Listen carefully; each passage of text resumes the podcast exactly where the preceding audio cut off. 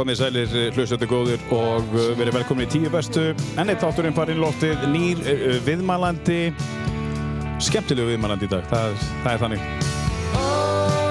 Við setjum hér í podcaststudió Akureyrar, sendum út frá Akureyri, höfustaf Norrlands og ef þú eh, vilt koma og taka upp þáttiðinn hér þá erum við með fullkomu stúdió hér sem er sett upp núna í byrjun árs 2021. Þannig að uh, þátturöðin þarf ekkert að hætta þó þú setja að vera í frí norður á land ef þú ert að taka upp einhver starf annar starf á landinu í heiminum. Einnig uh, sumulegis fyrir uh, norrlendinga tilvalið að koma í stúdíó og taka upp það sem þeir eru að hugsa hverju sinni. Það er bara skemmtilegt. psa.is podcaststudió uh, akureyrar.is allar nánar upplýsingar. Svo þurfum við að þakka kostendum uh, þáttarins, það er Glerotorg uh, fyrir það, takk fyrir það Glerotorg, við þekkjum öll Glerotorg þar sem allar vestlandnar eru veitingastæður og ímislegt annað, finnur allt inn á glerotorg.is Svo er það Black Box Pizza Akureyri, þar sem þú færð uh, æðislega pizzur með súrdegsbotni sem að renna vel niður og eru ekkert að hamast í maganum á þér með einhverjum leiðindar afleðingum eins og sumar pizzur gera. Mælið með því blackboxpizza.is takk fyrir það. Svo er það X-Mist það er já það er það sem allir eru að tala um. Þetta er spreyið sem að þrýður allt. Þú þarft ekki að þrýfa ítur og eitt takka og það. Sótur eins að heilt herbyggi Já, já, við höfum all séð vídjóin með X-Mist. Takk fyrir það, kostendur kærir. Hefjum leikin í dag á ástralski hljómsveit sem heitir The Paper Kites og lagi heitir I'm Lying to the Cause I'm Lost. Það verður ekkert með viðmannanda mín að gera, það er að segja titillinn, hann veit nákvæmlega hvað hann stattur í lífinu og hann heitir Sindri Svan, velkomin. Kæra þakkir, takk fyrir að hafa mig. Takk fyrir að koma. Þetta ljómar allt saman mjög vel. Ég myndi alveg geta notað svona reynsitæki eftir að hafa hakkað í mig eina pítsu. Já, er það ekki? Jú. Já, þetta er ekki fyrir þig, sko. Þetta er fyrir, þetta er fyrir þú veist, þú ætti ekki að spreyjus upp í þig, sko.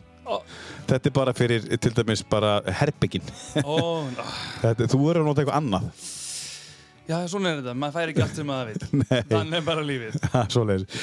Um, það er gaman að fá þig og, og, og, og hérna, verður velkomin. Uh, segðu okkur eins hver þú ert, Sindri, svona áður við höldum áfram, svona í grunninn. Þú ert að akkurýringur, þú ert hérna af svei, úr sveitinni hérna fyrir utan, eða? Já, ég er af guldströndinni. Það er gullströndin, já. Já, eða Árskóksandur hérna. Það sem verður Rísæjar. Já, já. Einnig heimili Kalda og um, Já. ferjunar sem verður Rísæjar. Já, Og þar er ég fættur, eh, ég er fættur á Akureyrin uppalinn inn á Árskóksandi mhm. og uh, gerði ímislegt þar. Hvernig er alast upp þar í svona litlu? Já, Já, indislegt. það er svoleiðis bara. Og ert að grínast. Maður getur bara fengið að gera það sem maður vil. Já.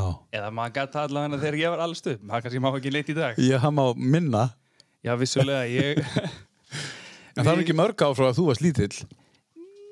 Nei, ég er nú eh, nýskriðin í 35. Já, góður aldur. Þetta er góður aldur. 85 er alveg heljarinnar fítnaðarkongur. Já, til hann ekki með 35 ára aldurinn. Gerðu það ekki? Það er árangur. Það, það er árangur. Hélstu upp á það? Já, ég var bara með lítið partí og við Já. bara hefðum það gott. En Já. þetta var náttúrulega í gennum COVID. Já, Þannig að já. hafa bara fengið sér steik og Mm. rauðvinsglas og það Æðislegt. rosa kósi með konunni, sko. Já, indislegt. Og búið þið hér í bænum eða búið þið út í sveit, eða út í strönd? Við búum hérna í bænum Já, já. og erum svo heppin að búa bara í gungufjalla við miðbæinn þegar það mun vera gott. Já, ég fitt akkurat. Við erum það stefnum á græna hattin um helgina og ætlum að njóta þess sem er í bóði loksins núna. Já, og nú er hann opinn. Já, og uh, Eithóring er að spila um helgina. Já.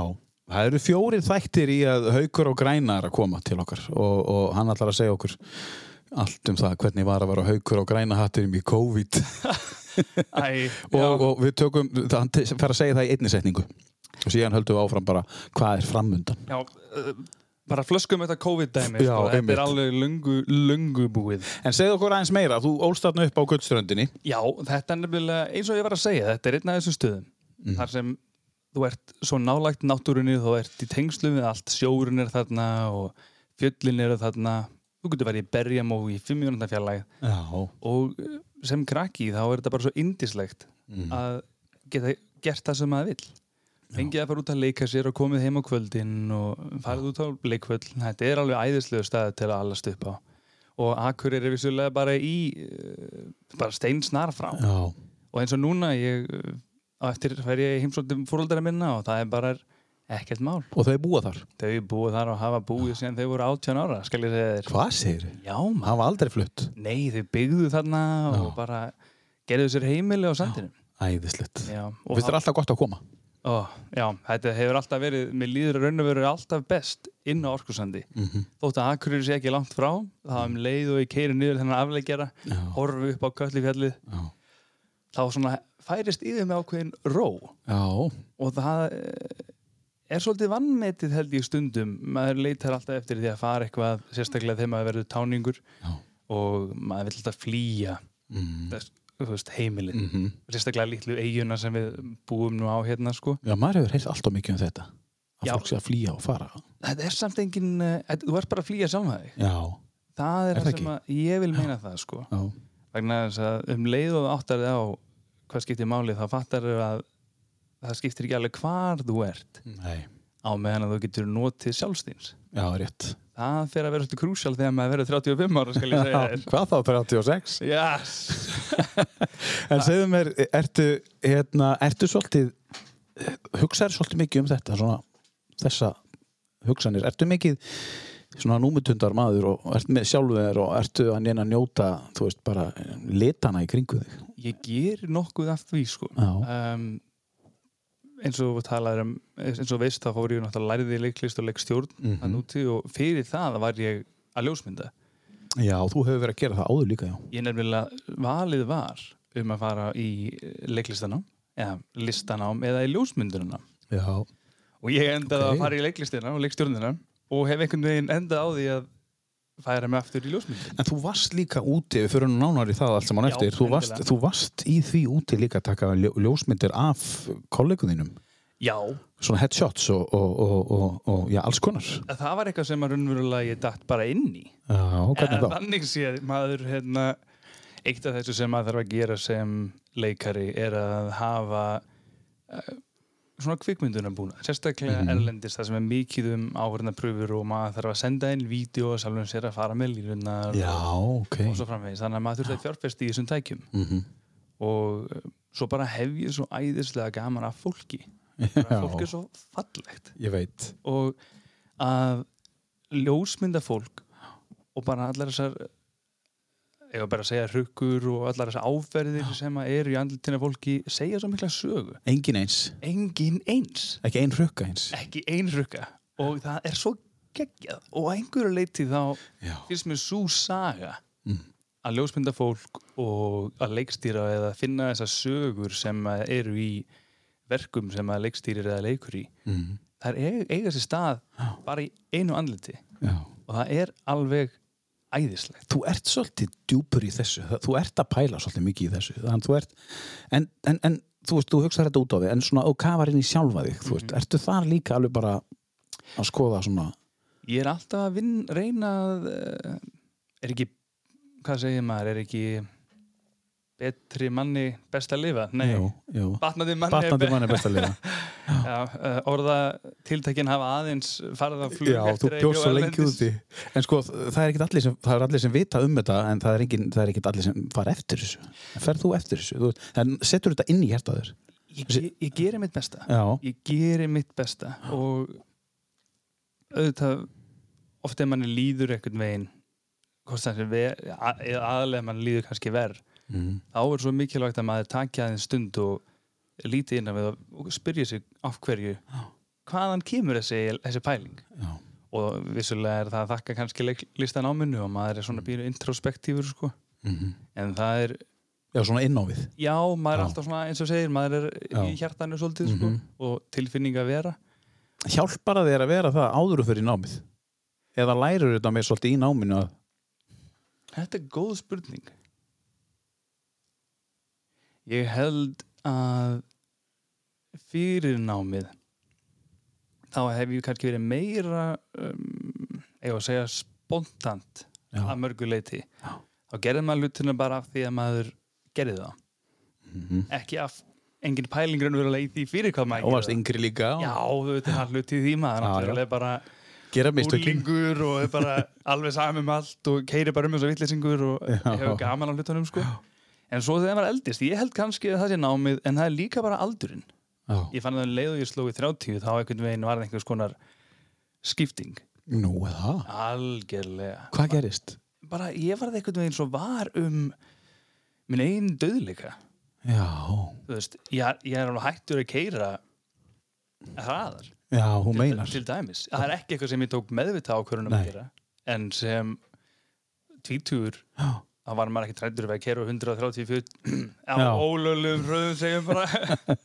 Út, út, út sandinn, gull sandinn á, á, á gull hraða algjörlega. Já. Og Á bílum hans pappa ekki bílum að slappa en, það, en eftir það þá bara einhvern veginn, það vissulega var Já. einhver svona, maður bara, vá, ég er að verða eldri og fólki í kringum mann er að verða eldri og Mhm. það er vissulega bara og þá fer maður kannski með því að verða pínu svona að pæla aðeins meiri hlutunum og velta sér upp á núvitund svolítið. Já, þetta orð núvitund, ég meina það, það, það vita allir hvað núvitund er og, og það þekki allir orðið en, en það getur líka orðið svolítið þreytt að þegar fólk heyrir þetta svo oft af því það gerir ekki neitt með orðið. Það er bara að það segja, já ég er í hörku núvitund. Og hvað er það? Ég er bara eitthvað svona, þú veist að dunda mér eitthvað hérna, en sko en það gerir ekki grein fyrir um hvað núvitund snýst. Nei, hvað er núvitund eins og fyrir Sindra? Sko, Svan? nú ætla ég ekki að segja að ég viti hvað núvitund er Nei, bara fyrir þig, hvernig þú skilgarinn það sko. Hvað gerir þú til dæmis þegar þú hugsa núvitund? Hvað, þú tekur myndir? það er að vissu leiti mitt akkeri Já. nú ljósmynda ég tölvöld mikið og er eh, nógu heppin að geta að hafa hóp í kringum sem að tekum mig á rúndinn og Mm -hmm. við ljósmyndum saman en það er ekki bara þar það er til dæmis bara þegar ég er að keira Mhm. og ég kannski horfi á horfi út, á veginn og maður sér einhverja bara samspil lita eða byrtu og bara reyna að vera í núinu Já. og ég viss um það að þú hefur hort á tunglið og hugsað, ah, þetta er ótrúlega flott ég ætla að taka mynd á síman Einmitt. og horfir á síman og bara, þetta, þetta er lítið hræðileg út Einmitt. en hefði ekki verið mun betra Akkúrat að njóta þetta. þess bara Já. án þess að horfa það ekki mjög síman Já. fyrir mér er þetta núutund að vera ekki með síman alltaf að taka myndir eða myndaðalina mín að taka myndir og sumt er betra að njóta bara, það er bara falleira í mannesk eð, hvernig getur orðað þetta En þú ert að orða þetta bara mjög vel. E, Þú ert komin sér mjög vel frá þér. Ég er 100% að skilja það sem þú ert að segja. frábært Og, og hérna, það er, það er þetta, hvað maður að segja, það er þetta, þú ert bara einhvern veginn á staðnum og, og þá kemur þessi sælutilfinning. Bara vá. algjörlega Þú, þú kemur svona, Jesus, hvað mér líður vel.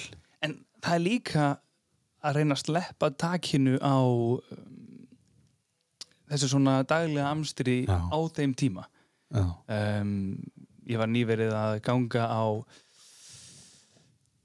já, nú man ég hvað ströndin heitir þetta er í um, skagaströndina Já. en svört sönd Já. Já. svört, svart sandar strönd Já, já. og bara ha, kaldur vindurinn og Já.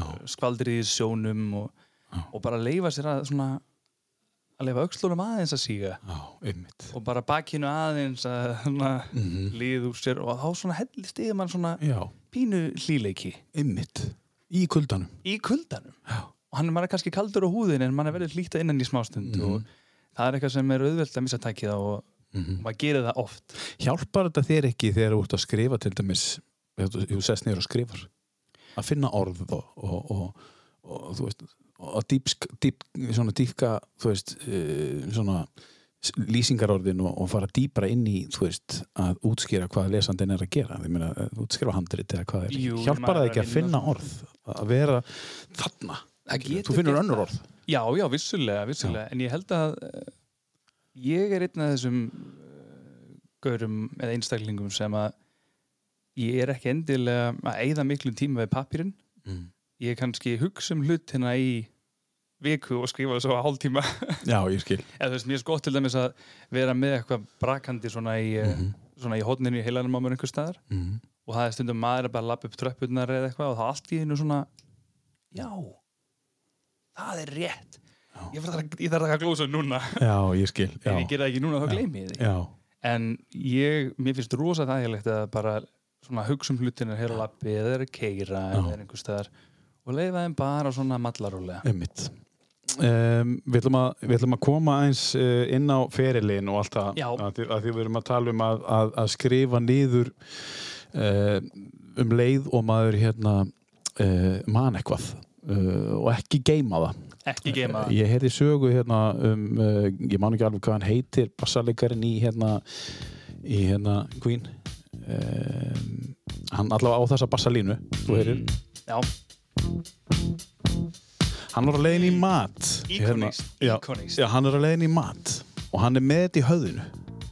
Og hann er bara svona, vá, þetta er geðið flott og hann er í, hann er í, í, í, leigubíl með kæristinu sinni og hann er með þetta og svo bara, herri, þetta er flott af du, du, du, þetta dun, dun, dun, dun, dun. og síðan fer hann í matabúðið og síðan var hann í fleiri, fleiri daga eða vikur en að pikka þetta upp eftir og það var ekki eins og hann var með í bílnum hann fór svona eitthvað í kringu það en þetta var útkoman. Hugsaður ef að þetta hefði ekki komið út þetta lag. Já, þetta er ekki á listanæginum en nei. ef að þetta hefði ekki komið út þetta lag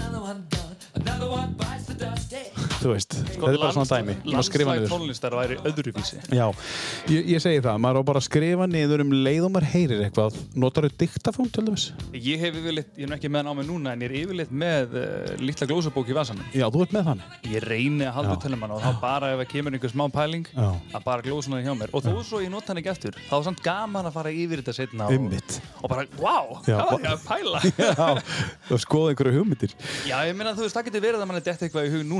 Ég ekki góð hugmynd núna. Nei, En einmitt, svo þegar þú kemur aðeins eftir setna með meiri reynslu, Já. meiri kunnáttu Já. þá allt í einu kveikir hún kannski eitthvað annað. Einmitt, og það er nefnilega ekkert sem maður gerir er uh, ónýtt. Nei, alls ekki. Þú getur alltaf komið að því eftir setna og getur alltaf bælt í því betur og getur Já. alltaf fundið eitthvað meira.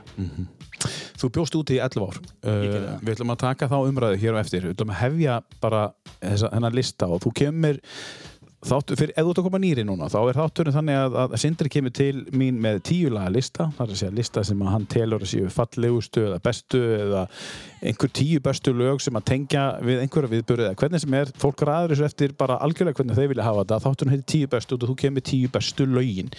Þú ert búin að ræða hérna upp tíu laga lista. Og, og þetta var pínu krefjandi. Þetta var mjög krefjandi Top 10 og síndi Já. mér konseptið það er bara, þetta er ekkert mál. Nei, einmitt. Ég fer bara í hérna playlista minn og skoða eitthvað.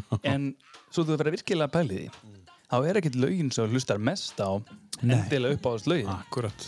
Maður, eins, maður getur til dæmis hlusta á sama lagi tíu sinnum á daga því að þú fílar weekend þessa vikuna. Mm en Einmitt. þessa helgina. Já, og, eh, einmitt. og svo sko hættir því bara Já, en þessi lög eru lög fyrir mér sem hafa annarkvort einhverja merkingu Mm. eða hafa mm, myndað með einhvern haft svona snert með einhvern máta Mm. eða hafa vakið einhverja tilfinningar Mhm. og þótt að ég hlusti ekki ofta á þau þá er þetta samt það sem að hugur minn leitaði til þegar ég fór að uh, já það voru fleiri lögvísulega en þessi eru það sem náðu Mm. inn á listan í dag Já, og, og þegar þú valdir þessi tíu lög hvað varstu komið með mörg lög? Hvað þurftur að helda mörg- mörgum lögum út? Cirka Ætli ég hafi ekki verið komin upp í svona 15-20 lög? Já, og, og já. mikið að það var á sömu blötunni Já, en mér finnst svolítið að, það var enda eitt sem ég var að hugsa um að gera og ég er svo sem kannski ánæður að gera það ekki. Já. Ég gældi við það að koma bara með plötu.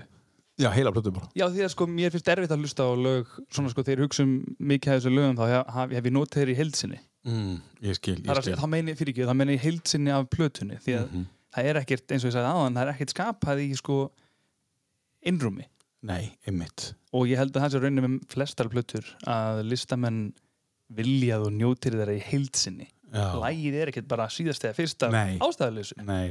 og það er þetta með shuffle-listan oh, Sjöfum Já, að bara ít á play og leifa bara plötunni að líða frá 1 til 10, 12 ekki vera shuffla Nei, þú sjöflar ekki plötu Já, það eru það, margir sem það, gera er, það. það er bara, þeir eru að gera þetta vittlust Þú ert að hlusta á tónlist vittlust eða þú ert að hlusta á þetta. Við þurfum að fá Guðuna fósetta til að setja lög eða alþingi að það er bannað að shuffla plötum Það var færum að banna eða svo gott sem Ananas. að banna annars á pizzur sko. Já, það eru margir sem eru ennþá bara Herru, það má ekki bara ananas. Forsetin bannar Fórsetin bannar það. Herru, við skulum hérna, Herru, ég vil endilega byrja á Gang of Rhythm eftir um, Walk of the Earth Mm Hvað er þetta? Þetta band er uh, ja, raunverulega YouTube band sem að uh, ég svona rakst á einhvern tíman á uh, þegar maður komin djúftun í YouTube fyrir löngu, löngu, löngu, löngu síðan Já. og þeir voru nú bara að gera einhverja cover tónlist á og svona, svona sinni eigin máta og það var, mjög flott það var svona einhvern veginn greip mig Mhm. en þetta tildegnalag um, situr svolítið ofalega í huga mér því að það var eiginlega þarna sem að ég hvað maður segja? Það var þarna sem að ég náði tengingu við um, svona handritgerð og ég, þetta var, því ég var að vinna einhverju verkefni í skólanum Mm. þá var ég með þetta lag í gangi og þetta er eitt af þessum lögum sem ég spilaði og spilaði og spilaði á meðan ég var að vinna. Já, og þetta bara einhvern veginn kom gýrnum í gang. Já. Og þetta satt svo vel í mér svo þetta er bara fallegt lag En spilaru þegar þú skrifar eða vinnur eða, það er betra, ég er yfirleitt með eitthvað tónlist það já.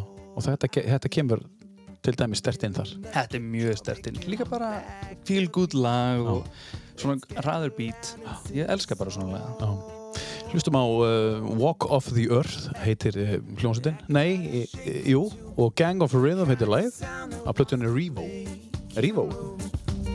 Bring in the uke, it will complete the groove. Let's gather round and sing a song.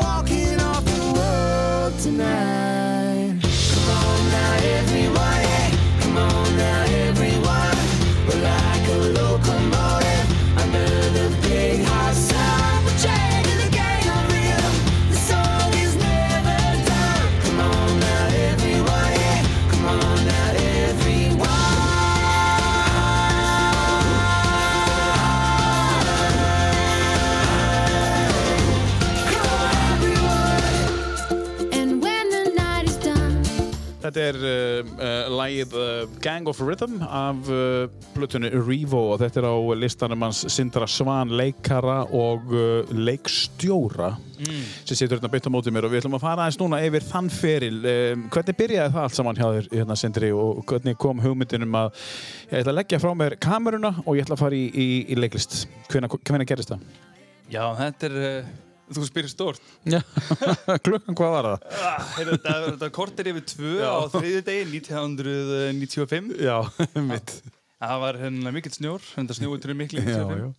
en hérna sko, sko ég nefnilega hef mikið pælt í þessu og það sem að raunverulega gerist er það að þegar ég var barn Já, þá langaði mig að vera leikari já, já. og um, Af hverju? sko það er ég vegna þess að ég horfði á Lion King örugglega. Já, og bara svo gaman að syngja með þú veist, ég ætlaði að kongu klár og allt þetta sko, sem næstu í endan á þessu lista líka. Já, ok. en hérna, þetta var alveg spilað og sungið með eins og vitleysingur sko. Já, og það var svona þeim tíðanpunkti sem að ég ákvað að vera leikari en eða svona hugsaði þetta með sjálfum mér, ég vildi vera leikari. Og það kemur í gegnum teikni mitt. raunverulega, það er raddleikur eitthvað sem ég langar mikið að Já, fyrir mig og ég hef ekki haft tækifæri til ennþá. Nei.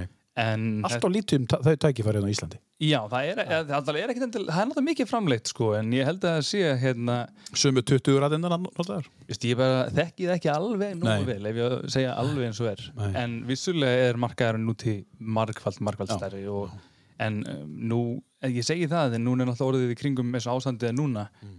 í kringum COVID þannig að það hefur um, það minkar náttúrulega kakan svolítið sko. Og, en þeir sem voru, þeir sem eru þegar inni hafa náttúrulega meira kleim í kökunum sko. sem bara eðlilegt Já, og já, svona já. er þetta bara. Já, já. en já, ég svo sem byrjaði þarna að vera að pæla í því að vera leikari. Mm.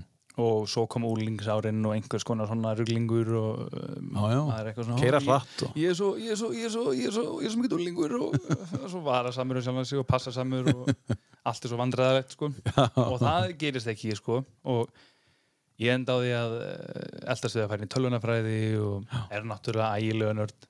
Það er þannig. Já, elsku kallið minn, ég elska öll tæki og bara gaman að tala inn á mikrofón hérna. Já, þú sagði bara, þetta ekki 355? Ég bara þurfti að snúa mæknu við bara, ég veit. Ég bara elska svona, þetta er bara svo skemmtilegt. Við höfum náð svo langt Já, Við bara búum á svo spennandi tímum. En uh, ég náttúrulega komst að því að tölunafræði ekki skemmtileg nei, hvað minn góður, hún hljómar ekki spennandi Sko, þetta er orðið mjög spennandi í raunverulega í dag Er Ég meina, það? Fólk, ég, ég held að fólk er að búið til allskyns flotta upp og svona sko Já, það, það er tölunafræði Já, það er forritun, þetta er nú allt tengdarlistir Já, og já, að komast, það er spennandi. og um, það og ég ákvað, ég svona fór að bæla hvað er ég að fara að gera Mm. og þá var ég í fremungsleiku svona var að leika þar og sem svona, já, var leikur svona þar mjög flottur hópur og mjög skemmtilegt Hvað varst að leika? Uh, það var, það var um, prímadonnur uh, ég leik sturt Já, já. sögu árðundastur Já, um, eftir Ken Ludvig það sem að tveir það sem að tveir leikarar það sem, eitthvað að- tveir leikarar sem sé alveg atvinnuleysir og eruleikum með að eiga, eiga sér fara að borða. Já. Fer, þykjast vera konur til þess að hérna, blekki einhvern um arf. Nei, hvað sér og svo náttúrulega hérna, kem, verða þær ástfangnir af konum sem eru þarna og þeir þurfa að vera að hlaupa inn og út og skipta um föt og Já, já.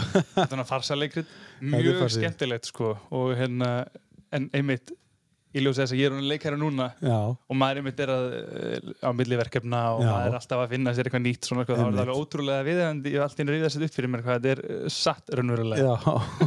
Ég er samt ekki að eh, villa á mér ég og reyna að blekki einhvern Ég Og ekki að fara í kvennbúningin til þess að já ég fyrir ekkert að móti því sko það Nei, nei. það er bara gaman að fara í kjóltundum sko Já, já, já, okkur ekki Á tilli dögum já, á dilli dögum ég meina einhvern daginn þá var voða gaman að fá að vera fjallkona fríð sko Já, kannski Já, nú, við eigum nú sundu heima sem að ég eldar svolítið mikið, sko. En það er einmitt svona fjallkonu kjól, sko.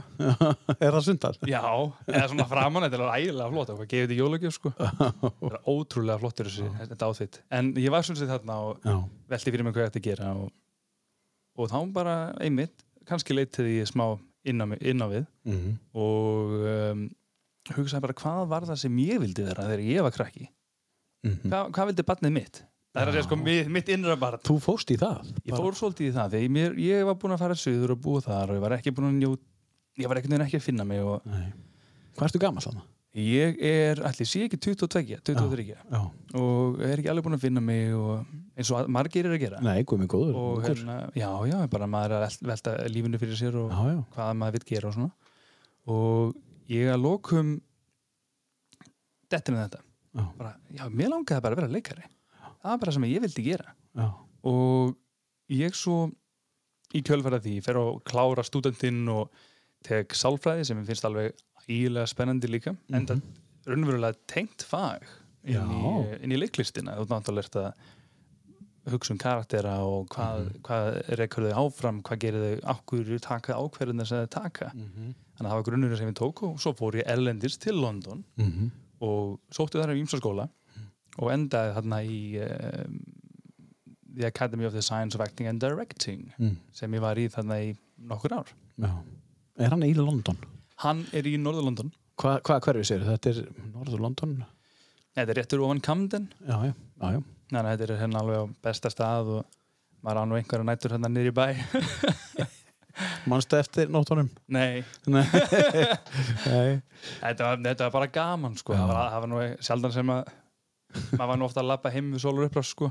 Já, bara svona þess að ná henni. Já, bara rétt til náni, það var einn ástæðan sko. það, var ekki, það var ekki að því týndi veskinu Nei. og gæti ekki hérna farið um borðið í strætó sko. Nei, það var bara því langaði að sjá já, sóla já, já, já, já, algjörlega Núvitundin. Núvitundin Hún var strax komin hérna. Auðvitað, en ekki hvað Og hvað svo? Já, svo tók bara við námið Já, og hvernig gekk í náminu? Sko, það gekk já, hvað gerði námið? Veist, hvernig er að læra þannig úti? Varstu með tungumálið alveg upp á tíu? Ég var nú alltaf mjög lipur í ennskunni sko. Um, Það sem ég raun og veru náði þarna var um, hvað getur við sagt? Um, reymurinn og, og uh, orðasamsetning og bara svona sko lokalismin sko að vera hljóma eins og þú sért lundunabúi og það er svona, eða en, enskur einstaklingur. Já. og það var verið það sem að það hjálpaði mér rosa vel með í Já, þú náðir því. algjörlega sko Já. ég veit ekki hversu gott það er lengur svo sem maður er Nei, en þú fljót- því. já, já, vissulega, ég er endar hitti nú einmitt brettaðum daginn sem að spurði mig hva, hva, hvað er landsinu fluttir frá Breitlandi Já. en þá sko var hann að spyrja mig eins og ég væri breskur Bereskur, já, Já, einmitt, einmitt. einmitt. og eða hvaðan ég væri í Breitlandi Já, og svo framvegis og framvegis og það er alltaf pínu svona hól Já, þegar maður fær svona maður. Já, ég vil segja, þú hefur náð nokkuð góðum tökum á. já, já, já, ég hef einmitt eins og ég sagt að hef ég mjög gaman af ennskunni og þetta er eitthvað sem að uh, til þess að skapa sér fyrir ellendis er mjög hjálplegt að hafa. Og, en fyrir vikið hljóma ég ekki lengur íslenskur þegar ég tala ennsku Nei, og þar leiðandi hef ég átt erfitt með að fá íslensku hlutverk á ennsku Já, I want to make everything like, uh, vera þessi gæi. oh yes, uh, I very very much like it. Já, já. en þau, eru- þau segja alltaf ég hljóma eins og rússi þegar ég byrjaði þannig að það er best að hérna, ég kannski ætti bara að fara að leika rússa í Kannski lendur einhverju svoleiðis hlutverki á. veistu það, ég myndi, hafa, ég myndi elska að leika rússa. Þetta eru svaligaurar mjög skemmtilegir svona arkitýpur Ná, ég meina, hvað heitir hann hérna Peter uh, Skarsgård Skarsgård, já. Já, hann leikur alltaf einhver rúsa Já, sko. hann er, já, og hann, hann er mitt, man, ég held lengi vel að hann væri rúsi Já, en það er ekki raunin sko. Nei, sko, hann ber ekki rúsnest eftirnafn. Nei, já, ég meina Bara langt í frá. Já, algjörlega En hann gæti verið hálfur eða eitthvað. Jú, jú, vissulega, vissulega En hérna, þú varst, hvað er þetta fórst í? Þetta? Þetta nám eru, er þryggjara háskóla uh, svona levels nám Mhm. og uh, þar tók ég, eins og ég segi leiklistina alveg í nefið Mm -hmm. Þetta var gífurlega krefjandi nám um, Já. Hvernig þá? Já, maður þarf að vera eh, bæði var mikið lagt upp úr að leggja hart að sér Já. og tímandi voru langir og mm, lítið að pásum Mm. og á daginn voru, voru við í skóla og kvöldin voru við á námskeiðum Já. þannig vorum við að fengum að leika í verkefnum leikstjórnar deildarinnar þannig að á daginn voru við að bara, já, í tímum, jazztímum og söngtímum og öllum Já. þeim pakka. Já. og eftir fimm þá fórum við að mæta á æfingar hjá leikstjórnadeildinni og fengum þá að vera í leikverkum sem nefnarnir voru að leikstjórnar nefnarnir voru að æfa sig í. Var þetta hluti af náminu eða er eitthvað sem þið fengu, er þetta val? Þetta er val en var, þú varst kvartu til þess að gera það. Og auðvitað vildi maður bara taka þátt. Auðvitað. þannig að það var alveg rosalega skemmtilegt og, en vissulega eftir að hafa verið í þrjú ára bara alltaf í skólanum sko, þá, ver, þá verður mjög tómlegt skyndilega þegar þú hættir Já, einmitt. en ég ákvað hætti ekki og ég held ára með leikstjórnin í staðinn Já, eftir þessi þrjú ár þá tekum við leikstjórnin. Er það sami skóli? Já, það er sami skóli Já. þannig að maðurinn pakkar inn í sama rými í fimm ár sko. En það sem að gerist er að einhverju leiti fyrir mig er að maður eða ég sko þótti ég virkilega njóti leiklistarinnar þá svona einhvern veginn fór að myndast tenging inn í leikstjórnina og upprunalega fór ég hérna vegna þess að ég hugsaði mér svolítið að það er enda líka svolítið gott að sem leikari Mhm. að skilja hvað á sér stað hinnum einn Mm. og fyrir vikið þá, þá hefur maður vissulega þennan hæfileika að geta svolítið séð lesið betur í karakterina Mhm. og, og það er einnig svona ég hef alltaf áhuga á kvikmyndum og kvikmyndagerð og þá svona einhvern veginn hefur þetta svona haft góðan Já. leiðvís inn í það og það er eitthvað sem ég langar mikið að fara að Mhm. rannsaka núna frekar Mhm. Já. á næstu missurum Herði, þannig erum við komin inn í fimm ár í London og við erum eftir hann einhver sex ár þannig að við ætlum að halda áfram með það og eftir en við ætlum að taka næsta lag af listanum áður við förum í, í, í, í það Er, er, er, er, við að fara í þetta hérna? Við erum Já. að fara í þetta það er Over You eftir uh, Macy Gray Er hún bresk? Veistu það? Veistu það, ég bara veit það ekki Tilfinning mín er svo að hún sé amerísk Já. en uh, þetta sko þetta lag er bara eitthvað sem vekur upp einhverja jákvæða tilfinningar hjá mér Já. um, þetta hefur enga sérstakka tengingu við eittni neitt í lífið minu Nei. en ég fannst að ég heima nummer tvö á þessu lista Mm -hmm. og uh, eða, þú veist ekki inn í sérstaklega röð tilfinningarlega séð en þetta er lag sem ég nýtt Já. Og uh, þetta er Over You. Over You Ekkert svona eitthvað, þú ert ekki komin yfir einhvern eða eitthvað. Nei, nei, nei, nei, bara yfir sjálfa mig. Ég vil sjálf það.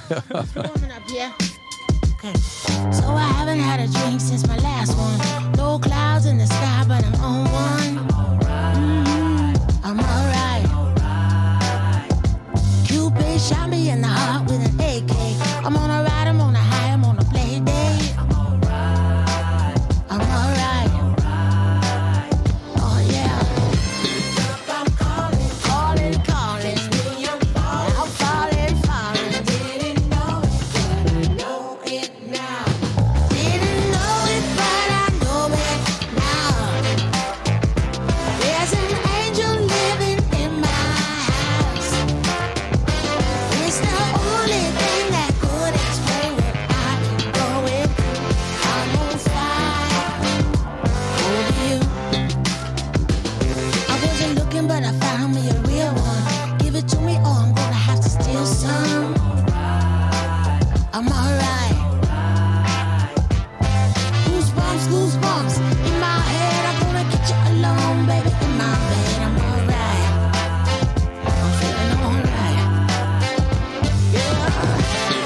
Sittur hjá mér hérna Sindri Svan, leikari og leikstjóri og er að spila tíu uppáðslögin sinni í tíu bestu. Þetta er Macy Gray og Over You, 6 miljón spilunar á Spotify og hann segist eiga allavega helmingin.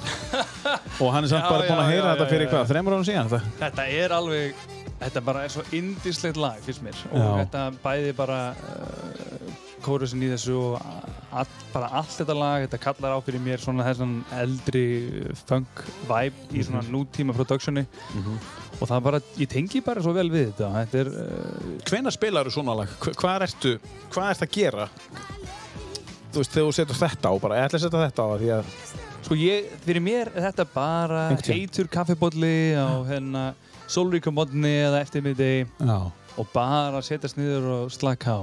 já, Og þetta er bara, mér langar að líða vel. já, einmitt. Og þú leggur svolítið mikið upp úr því að reyna að líða eins vel og þú getur. Algjörlega, algjörlega Já. og mikið af tónlistin sem ég hlusta á hefur að þú veist að einhverju leiti hlusta ég svolítið á pop af því að það er svona pínu fílgút sko Mm. en að það er ekkert að bara vera hamingjur sem tónlist sem að leita mig líða vel sko Nei, nei, nei, nei, nei. það er bara gott að láta sér líða Já, já, já, það getur alveg verið þung tónlist sem að tógar eitthvað, eitthvað gott úr manni algjörlega sem að öðrum finnst alveg ægilega þungt. En við vorum komin á, á uh, þú, varst að, þú varst að læra leikstjórn og uh, mér langar að spurja, við erum komin í fimm á, þú kláraði það. Útskriftaverkefni, uh, var eitthvað svoleiðis í aðri? Já, jú, við hérna Kottum með það. ah, her, Jú, þetta var mjög áhugavert yfir, eins og er nú yfir hérna mörg uh, um, að, þetta er heldur mjög algengt að í leiklistaskólum og öllu námi að fólk flósast upp úr því svona mm, þegar líður á eða það finnur að það á ekki eh, þetta er ekki fyrir þau eða hvernig það er sko. Og þegar við byrjuðum námið þá man ég nú ekki hvað voru mörg eða það er að segja í leikstjórninni. Mhm. en í uh, á síðast árunu þá voru þá voru við fimm eftir sex og ég var eini maðurinn. Nú, hvað, ha? þetta var æðislegt sko. Það var þetta ekki bara eindislegt? jú, jú, þetta, þetta var alveg frábært. En uh, ég þurfti sem sér að finna með verkefni sem að geti haft já, konur, eingöngu. Eða svona meira og minna. Já. annars hefði þurfti að fá einhvern utan að komandi leikara Já, ég og það er svona mói og Þið voru að taka þátt í, í, í hvers annars verkefni? algjörlega. Þannig að í á þessari braut sem sé í, í leikstöðanáminu Mm. þá lék ég í verkefnum með leikstjóra minna Mhm. og með leikstjóra mínir léku í mínu verkefni Já, þannig gáttu við liðið allt árið Já. æft okkur í að setja upp verkefni æft okkur í að pródúsera og eftir ykkur í að leika. algjörlega, þannig að öllum uh, öllu var við haldið Mm. og en vissulega náttúrulega gætin sá að ef það er til dæmis eitt kallmaður þá þurfti og eins og leikrit eru nú oft skrifuð af kallmönnum þá eru oft margir kallmenn í þeim Nú er það þannig. það er alveg ótrúlegt hvað er eh, mikið af kallmönnum í leikritum sérstaklega eldri leikritum sko. og þetta snýst allt um kallmenn og Já, þetta er allt eitthvað svona, svona vitleysa, Gamaldags. sko. rosalega gamaldags Já.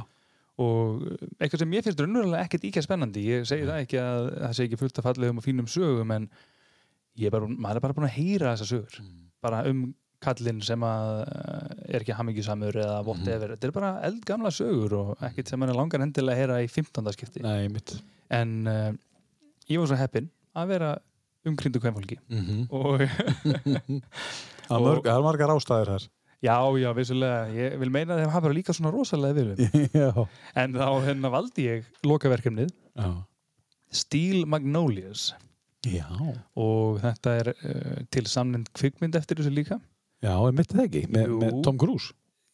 Nei, þú ert að hugsa um hérna um, Nei, ég er að hugsa um eitthvað það er eitthvað Magnolias líka sko Já, já. en það er mjög mikið af frægu kvæmfólki í þessari, í þessari kvikmynd og, en allavega hana leikriti kom fyrst og svo kom þessi kvikmynd Já. og ægilega hérna hérna Sally Field er í þessu og, Já, já. en ég syns ég fekk þessar dömur til að leiki í þessu fyrir mig Já. og þetta var bara ægilega gaman Já. þetta syns ég s- segir sögu af ég er raunverulega er þetta bara hárstyrtistofa sem að konan hefur sett upp í húsunni hjá sér Já. og allar, allir nágrannarnir og nágrannar konunar komað hangað og eiga þarna í svona hvað ég var að segja, já. og þetta er alveg, hérna, þetta er mjög létt en á sama tíma gífulega tilfinningaþrungið og þetta er verkefni sem er mikið langar að heimsækja aftur Já, já. Og Sérst að gera þetta? já, algjörlega þetta Hérna heima? algjörlega, ég væri mjög mikið til að gera þetta heima mér finnst bara ekki vera nóg af verkefni þar sem eru bara konur í Nei. og ég hef bara gaman af því að sjá, skoða eitthvað frá mörgum vinglum og, Já. og þetta er bara, þetta er tilfinninguleg mynd og, Mm og Gerður þá heila mynd, eða þú veist? Le, ég, ger, ég gerði sko heilt leikrit Heilt leikrit? ég, ég setti upp heilt leik, við settum heilt leikrit og, Já, í kringum þetta. algjörlega, þannig að við feng, þurftum ekki margir aðrir skólar gera til maður gerir bara hluta eða Mm. einhvers konar segment. Mm -hmm. en þarna fengum við að setja upp heila leiksýningu sko. Vá. bara tveir tímar af þessu hennar ævintýri og það er alveg æðislegt. Og ég bara uh, get ekki beðið eftir að þetta enda allt saman að maður getur farið að setja upp sýningar eða taka þátt í einhverju. Og vissulega hefur það gerst síðan maður kom hingað. Maður, ég var viðlóðin tvö verkefni og sem bara hurfu. Já. og það er bara eins og þetta er núna. Þetta er bara, Koma kannski aftur. já, já, það- við bara það okkur matur Já. það, En- maður tekur þetta bara upp En þannig er þetta útskrifast, fymta, hvað gerist þetta síðustu árin í London? já, Þú kemur ekkert það beint er heim? ekkert- nei, ég nefnilega kem ekkert beint heim eins og uh, eins og allir leikarar, þannig þarf maður að hafa þjónustustarf þarf maður að hlaupa um borð og hérna, gefa fólki að borða á svona sko. Já, já. og ég gerði það náttúrulega í mikið og hafði raunverulega bara gaman af. Að maður gæti maður að prófa reymanna sína og, og leiki karaktera á borðunum og svona, verið svona pínu karakter Já, ok. og uh, það endar nú að ég komst, fóru í smá rekstur hana, eða svona uh, jú, ég heiti ekki bara rekstur, ég sá um allt saman basically nema bara rétta efsta og, en svo náttúrulega hætti maður því því að ekki var neitt viti að hanga þar þegar maður ætlaði að vera leikari sko. En hvað, hvernig er rekstur? Eh, veitingahúsa Veitingósrekstur? Já, og Já, þú veist, þetta var hérna ég sá um allt sem var sko hvað segir maður, þetta heitir front of house það er þetta allt saman, allt starfsfólk og Mhm. bara svona þessi, mm, þetta er grundót sko Já. og sem var mjög gaman og mjög uh, uh, hvað segir maður, þetta tók mikið á Já. en hugurinn leitir alltaf annað Já. og þannig er það og Já. E, já. Ertu þá, ertu þá sagt, eh, að meina að uh, þú hefðir ekki geta ílengst í þessu starfi af því að þig langaði að fara í það sem þú varst að læra, veist, sem fyrst eða hvernig sem er neða þetta starf náttúrulega er mun meira um, hvað segir maður, svona Hmm, hvað er orðið? Þetta er meira svona ends to a mean þannig að maður, vill, maður gerir þetta bara til þess að geta haft efna á því að mæta í árnapröfur og, og gera allt hitt en þegar maður er að fann að færast í einhvern svona sko millistjórnun eða stjórnun þá fer Já. maður ekki að geta stóttið úr einhverju starfi Nei, nei, nei. en á, á þeim tíðanpunkti var maður komið með umbann sinn og fann Mm. að mæti áriðnapröfur En og... hvernig gekk það? Tókstu eitthvað, veistu eitthvað hlutverk? já, já, ég er búinn að vera í ýmsum auglýsingum og svona smottir í sko Já. og þú veist, eh, ég er búinn að vera á eh, mjög stórum settum Mm. og maður hefur fengið að vera og maður hefur fengið að taka þátt Mm. en það bara er ekki alltaf þannig að maður endar ekkit endilega í loka upptöku þeir taka rosalega mikið á þessu stóru hérna, Hvað segirðu? alveg sko það er alveg tekið allt fram og tilbaka hægri, vinstri, það er enda mjög spennandi eftir uh, eftir settum Já. en til dæmis var ég í var ég í uh, Stan and Ollie myndinni og þetta var bara einna línu hlutur eitthvað lítið og létt og ég var hann með John C. Reilly og Steve Coogan Vá, flottir gaurar sko já, já. og John C. Reilly er svo mikið hávaksindar en þið grunar Nú var það það. er alveg ótrúlegt ég var svo hissað þegar ég hitt hann því að ég veginn sá hann ekki fyrir mig sem svona veginn Nei, hann er alveg yfir tveir metrar öruglega vá, ok. en uh, þarna til þess var maður með uh, einhver örfá línur svona smáttir í sko Mhm. og þegar uh, á daginn kemur þá er þetta bara ekki endilega nýtt það Nei. er þarna einhver staðar en það er bara þessi hluti er ekki notaður Já. og Þú ert þarna samt bara lengi. já, já, já, ég var ég verið heila helgi sko Fyrst greitt fyrir það? já, já, það er það sem málið skiptir já, ég ætla að segja það er aðalatrið. en ég var í Game of Thrones auðlýsingu og eitthvað svoleiðis en Já. aftur maður bara með hjálm að gera eitthvað já, ímislegt sko já, já. Þannig en maður hefur gert hitt og þetta. En, og svo var ég náttúrulega í, uh, uh, ég tók upp radd, uh, hvað segir maður, hérna, raddsetningu fyrir uh, National Theatre in London, Já. fyrir, um, fyrir síningu sem þau voru með þar. Já, og það náttúrulega var aftur mjög gaman, já, einmitt, og uh, það var einmitt bara einn dagur. Svo er þetta bara búið, þá þetta, er svo mikið svona. Og það er svo mikið framleitt þannig erlendis. Og hér náttúrulega líka, það voru held ég 20 verkefni framleitt á Íslandi í fyrra. Já. fyrir sjónvarp eða fyrir uh, kvikmyndir. Og það er svo mikið í gangi Mhm. og Ertu að sækjast eftir að komast ánga? já, endilega, endilega ég fór í, einmitt, ég, fór í á, það var búin að vera í tvær áhörðapröfni sem koma ekki tilbaka og, Mhm. og það er bara, kemur í ljós hvernig það allt saman fer Og það er sumt sem hangir þetta ennþá núna úti. já, það, það gerir það sko en Hjálpar tungumálið, hjálpar færniðin í eins og ennsku tungu í, í dag? ekki enn Ekki ennþá. Nei, nei, ég get alveg séð fyrir mér að maður gæti fengið hlutverk sem ennskumælandi einstælingur á Íslandi Já, ef það meikar eitthvað já, ég ljósi þess að það er ekki hægt að fá fólk til að koma svo Já. létt sko. já, einmitt, einmitt. en þetta er vissulega bara eitthvað sem að maður það bara hafa púlsinn á Já. og ég held að þetta sé einn af þessu hlutum að bara finnur sér eitthvað að gera og uh, svona og leitar í leiklistina hér á kantinum og Mm svo vissulega er maður núna, ég ljósi þess að COVID er aðeins að opnast þá gæti vonandi eitthvað, eitthvað sem leikstundarverkunum fyrir aftur í gang -hmm. Og ég vil endilega vera begge vegna við. Já, það er já, mjög gefandi að leikstýra. Já, það er líka mjög gefandi að leika. Já, og hvort tvekja eru mjög tengdi listform. Já. en vissulega alveg er raunverulega sami, hli, sami hérna pinningurinn, bara Já. mismunandi hliðar. Já, já, já, já. Uh, ræðum aðeins uh, um, svona draumana þína hvað er langað til þess að gera sem leik uh, skáld eða leik, leikstjóri uh, og svo langar mér líka til þess að tala um hobbyið þitt hér eftir næsta lag sem að á hug þinn allan í dag. Það gerir það svolítið, það gerir það. Hendum í eitt, eitt lag á, á milli og, og erum við að fara til Liverpool þá eða? við erum að leiðin til Liverpool Já, hitta blessa bílana. Já Þetta lag er náttúrulega einstaklega sérstætt. Ja, sko, ég hlusta á þetta lag í morgun. Hvernig leiðir eftir að... og ég einhvern veginn bara var eitt stórt spurningamerki eftir það og ég hlakka mjög mikið til að heyra af hverju þetta lag En, Lagið er byrjað sko. En segðu okkur aðeins bara svona meðan lagið er að byrja Hvað? sko, þetta er bara eitt af þessu lögum sem ég hlustaði á þegar ég var úlingur og þú veist, það er verið kveikti á mér fyrir bílunum og þessi, og þannig er Lennon og McCarthy að prófa sig áfram í þessu svona experimental tónlist eins og náttúrulega heyrir. Já, já. en þetta var þeirra ég, við minnir að þetta hefði verið þannig að þetta, þeir vildu sko hvernig er orðið? Búa til uh, lag sem að embodyaði Revolution og þessari sömu plötu er lag sem heitir Revolution 1 já, en það er bara vennilegt lag já, ef svo orðið komast. Já, það er bara vennlegt lag en, en já, þetta er óvenjulegt lag ef lag má kalla, þetta er eins og söngleikur þetta er held ég eitthvað sem mætti, frekar, mætti kalla svona hljóðlist. Hljóðlist, já.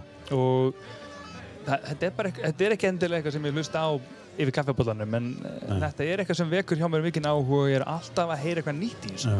Hvert einasta sinn sem ég hlusta á þetta þá uppgötaði nýjan hlut Er þetta litli sindri sem að langaði að vera leik, leikari því að er þetta þessna sem það náði þér? kannski það já þetta Mögulega. er bara ákveðin svona sko þetta er list í sínu rásta formi finnst mér Já. sko. Lagið heitir uh, uh, eh, það heitir Revolution 9 af plötunni uh, The Beatles sem kom út árið 1968 við skulum heyra smá brotur þessu þá heyrið þið bara hvað þetta er sérkennilega skemmtilegt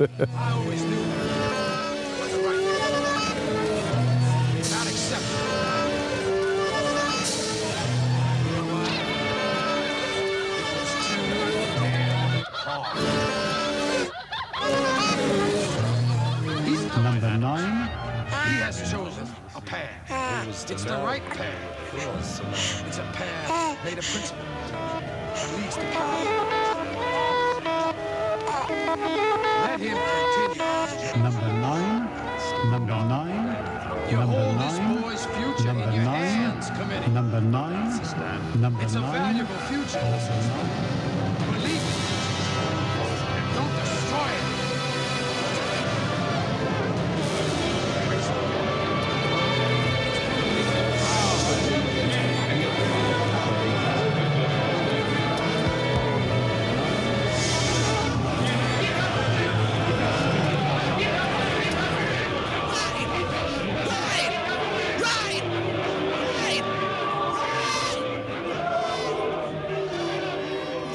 Eins og þú kannski tekur eftir hlustandi góður þá er með uh, hátalara heima hefur í vinstri og hægri þá svona flakkar þetta svolítið á milli og hlusta á í headphone-inu þá er þetta í rauninni, það er ekkert að headphone-inu Nei, þetta er alveg vísvitandi gert sko. þetta er eins og þú segir, svona, eins og orðaði svo vel á það, þetta er svona headphone experience. Þetta er headphone experience og, Já, og eins og ég segi, ég varst um að, að það er ekkert alveg ljóskort að það hafi verið fullkomlega edru þegar þetta var tekið upp. nei, það er ekki víst.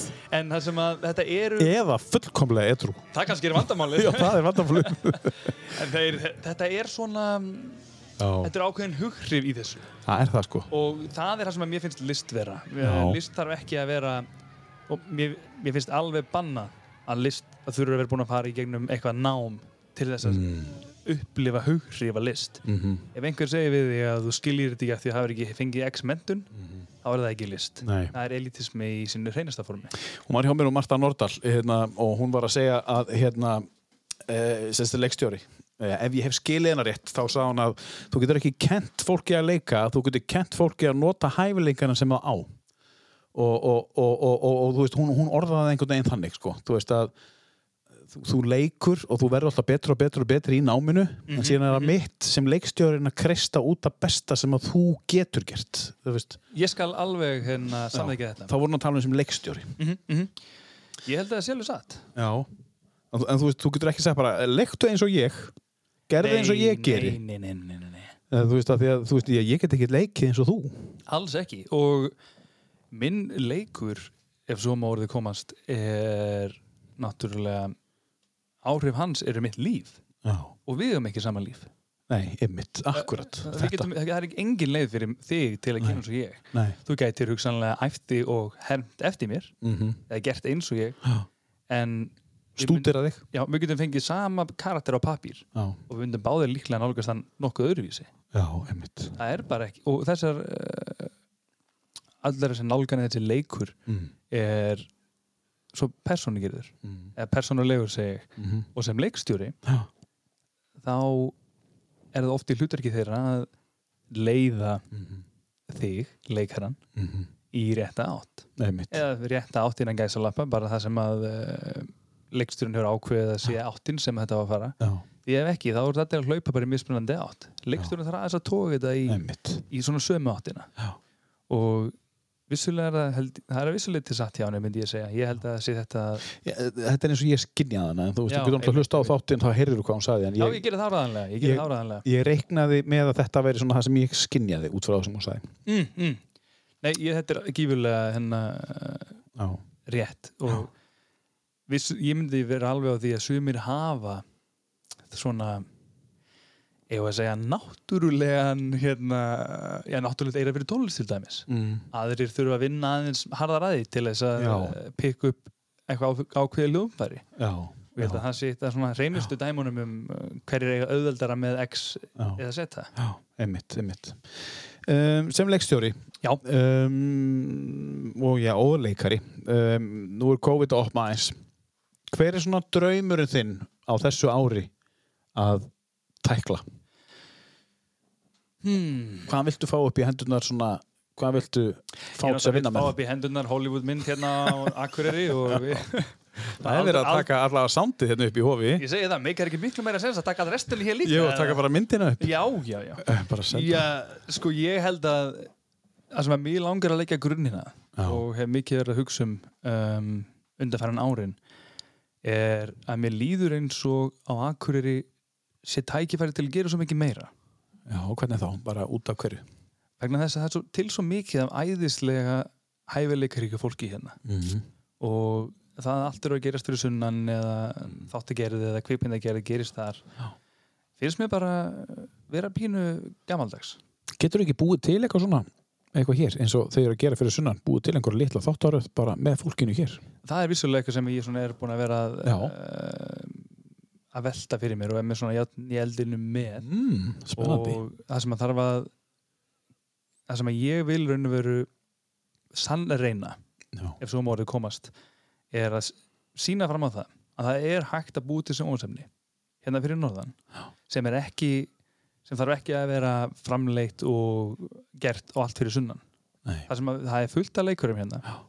það eru leikstjórar, það eru Mhm. kvikmyndantökumenn mm. það eru allskins hæfileika fólk hérna Já, þú veist að meina þá bara með fólki hérna í Algjörlega. öllum stöðum, ekki bara eins og hækósi sem var tekin upp hér, heldur bara með fólki hérna Akkurat, Já. og ég þú veist, ég vil meina að það sé hægt að búi til einhvern smá yðnað fyrir, að, við erum ekkert að segja að þurfa að vera eitthvað hérna eh, alla daga, allan áttu syng Nei. en það eru hljóðfólk hérna og það eru tæki til og Mm þetta er möguleiki Já, ég heyri það. Og ég vil meina að þetta er svona eitthvað sem ég langar að leggja grunninn að. Ég heyri að þetta er komið í eitthvað ferli. Þetta er nú bara, þetta er raunverulega ekki komið í fastferðli en þá, þetta er raunverulega í treatmentferðlinu bara. Já, og ok. ég held að þetta, ég óttast eða held að þetta sé einn af þessum hlutum sem að um, það þarf að búa til eitthvað fyrst Mm. til að sína fólkinu að þetta sé hægt. Já, já, og það þarf bara að gera með engu. Og það er, er verið fyrst erfiðast. Og svo verið auðvöldara já. Þá er það bara að hafa sambandi við krúið. Það er að hafa sambandi segja- krúið.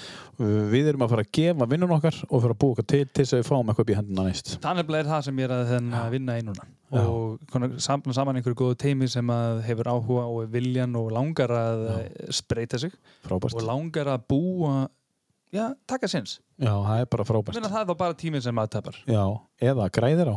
Eða græðir. Þú lærir alltaf eitthvað á þessu. Algjörlega. 100% algjörlega Herðu, við ætlum að, fara, við ætlum að taka næsta lag og, og, og hérna, svo ætlum við að fara yfir í, í, í, í hérna, yfir í Canon uh, EOS uh, 600, eða ég veit ekki hvernig myndar uh, ég var að reyna að vera uh, hérna, svolítið, svona, svona fræðimar og því, ég þekki það ekki neitt en við ætlum að fara yfir í ljósmynda áhugaðin hér eftir næsta lag. Hvað ætlum við að taka næst, Sindri Svan?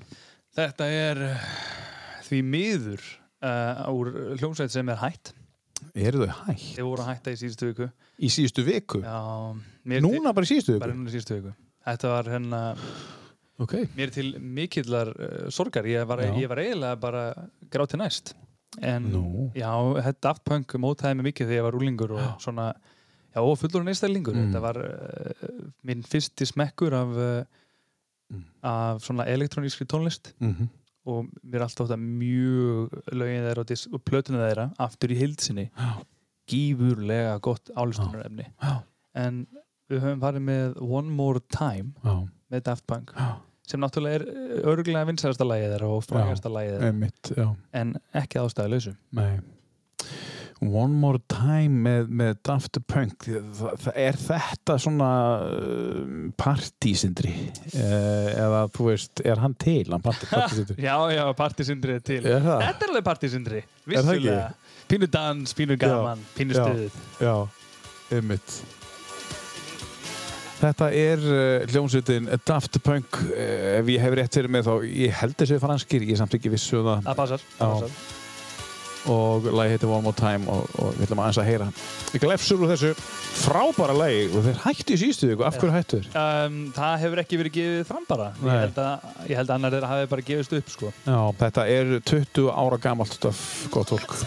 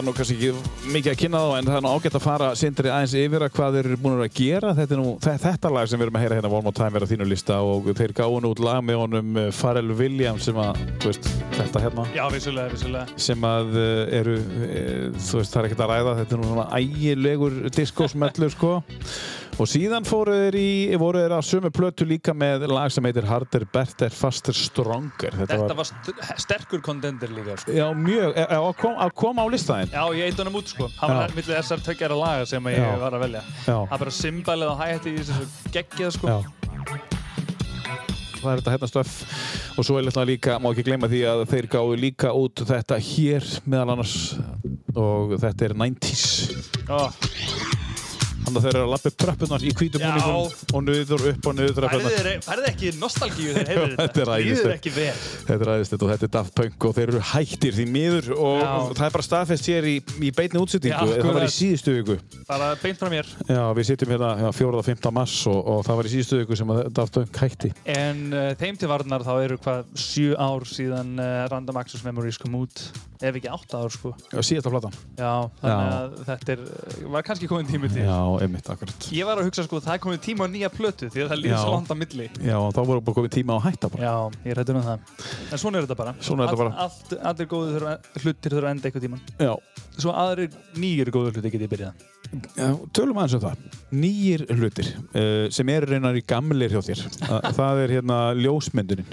Já. Uh, hún er að koma inn núna aftur uh, og, og, og, og svolítið öðruvísi. Þú ert að fara að mynda og þú ert mikill áhuga maður um að taka ljósmyndur. Þið er í, hvað maður að segja, svona þryggjamanna klúb Já, svona miðvíkudagsmennir sem fara út Já. á ljósmynda á miðvíkudögum. mitt og, og, og hvað, hvað er svona helsta sem þú tekur myndir af svona mesti? Það er bara það sem að um, rýfur mig hverju sinni. Já, Ég er svolítið segur um að taka myndir af samferðamönni mínum, já. Daniel og Eithor, en uh, Daniel Starason og Eithor Ingi uh, Jónsson, uh, organisti. Daniel Starason, hann er ljósmyndari. hann er ljósmyndari sko, og Eithor vissulega líka og sér hafið sér mikið í fuglum þú voru Mm. áraðanlega að sé eitthvað að mynda frá hann ægilega fallegt Já. og uh, en fyrir mér þá er þetta aftur svona núvitundar dæmi Mm. að vera í bílnum eða vera út að labba Já. fylgjast með, bara leita að einhverju í náttúrunni sem að Mhm. er uh, sem hrýfur mig Og svo smella af. og svo smetla af Já. Og halda Og- svo áfram að leita. Já, eða smetla af sama hlutin svona 500 sinnum þá til manni líður um að hafi náð einhverju sko. en vissulega þá er þetta þannig að maður er, ég er mikið að reyna að sjá það um, það óvinnilega í hvertarsleikanum Já. mér langar mikið að reyna að gera eitthvað í svona pínur hrifuna abstrakt svona Já. uh, shapes og Mhm. uh, og vissulega maður nú bara posta einhverju svona Mm klassísku og svona fallegu en ég sitt nú með mikið eftir á tölvunni sko, sem að Mhm. fer ekki neitt Af hverju fer það ekki? Já, já, þetta er bara fyrir mig já þetta er fyrir þig. já, já, já, já. Já. Eða, veist, þetta er ekkert sem að uh, ég held að það hefði enginn áhuga að sjá það kannski bara þetta er svona meira svona eitthvað sem að rýfur mig og Já, já. svolítið eins og Revolution 9 hann áðan sko, Já. sem er náttúrulega ekki fyrir alla Já, bílarnir. já, já, þetta er sérstaklega lag sko Já, það er mjög sérstætt. en, og vissulega er það ekki fyrir alla en Nei, nei. það er eitthvað sem rýfur mig og En það er þetta listin þinn. þetta er listin minn minn, minn, minn og eh, ég held að mikið með þessari ljósmyndun sérstaklega núna í uh, síðan ég kom til Íslands hefur orðið mun meira um þetta. Erlendis eins og þú sagðir áðan þá sá ég mikið um að ljósmynda uh, aðra leikara. Um, ég kvikmyndaði eins og ljósmyndaði þar. Og þar er það mun meira það er vissulega listið líka. Og að, að eiga samskiptið fólk og að leifa því að slaka og Hmm. ná því besta úr þeim fyrir myndina. En það er unnverulega oft mjög svipað Mhm. fyrir utan það að landslag andlitsins breytist alltaf milli leikara Mitt. að gífurlega, gífurlega svalandi gig Já. að fá ljósmyndaleikara Hvað, hérna, hvernig nærðu þessum nú er ég kannski ekki, ég er ekki beint að gera þetta til svo rósaðir, ég er bara að segja það hvernig, hérna nærðu þessum myndum af headshots af fólki sem að segir ég myndast illa svo allir bara, herri, nú er ég bara allir að fara að myndast vel hvernig nærðu þú þessu fram sem áhuga ljósmyndari hjá svo ofbáslega mörgum sem að segja það sama? Bara ég myndast ítla en sindri nær einhverju stöffi fram í mér. Það er um, tími. Já, og að leifa fólki að gefa sér þann tíma til að slaka á. Því að ég er á þeirri trú að það myndast allir illa ef að þú setur það undir pressu annarkvort er maður blikkandi eða maður, bara manni líður ekki vel. Já og þau líður ekki vel, þá myndast ekki vel. Nei, þetta er bara ósköp einfalt. Já, og ég bara, ég reynir að kynast fólki og spjalla við það og grípa svona glefsur aðeim svona milli já, þegar maður er ekki að pósa of mikið sko. Vissulega með leikarar er þægilegur oft því að þau svona hafa einhvern bakgrunn og kannast við það sem þeir að gera en með venjulega einstaklingar þá Mm skiptar það mér bara máli að komast að því hvað, hvernig fólk það er -hmm. og, annað er að leifa þeim að fylgjast með. Hjálpar það að þekka einstaklingin á, þegar þú tekur mynda á hann nei, nei, nei, það held ég ekki. Um, ég held að þetta sé aðalega að maður uh, tekur því rólega leiði fólki að slaka á og leiði þeim að fylgjast með hvað gerist á myndavélinni. Já, ég held að mikill uh, hluti því að slaka á er að leiða, þeim að sjá hvað er um að vera. Mm og ég bara síni þeim að myndavélinni. -hmm. og fyrir mér er eitt af svona mest svalandi svona, þetta er svo stóru vassopi Mm. þegar einhver lítur aftan á myndavélina og fær svona ha, ég bara lít vel út hvað? og það er bara hvernig stendur á því? já, og þetta er svo ánægilegt það er ekki eins og við byrjaði að vinna myndina nei, nei, nei, alls Nei, ekki ég meina er sko, það er bara Já. fólk horfir þetta aftan á myndavélinu og það fær þessa svona wow, ég ég, ég actually lít vel út en er þetta ekki, og nú ætla ég að byrja að rósa þér er þetta ekki hluti er þetta ekki þinn hæfileiki þá bara?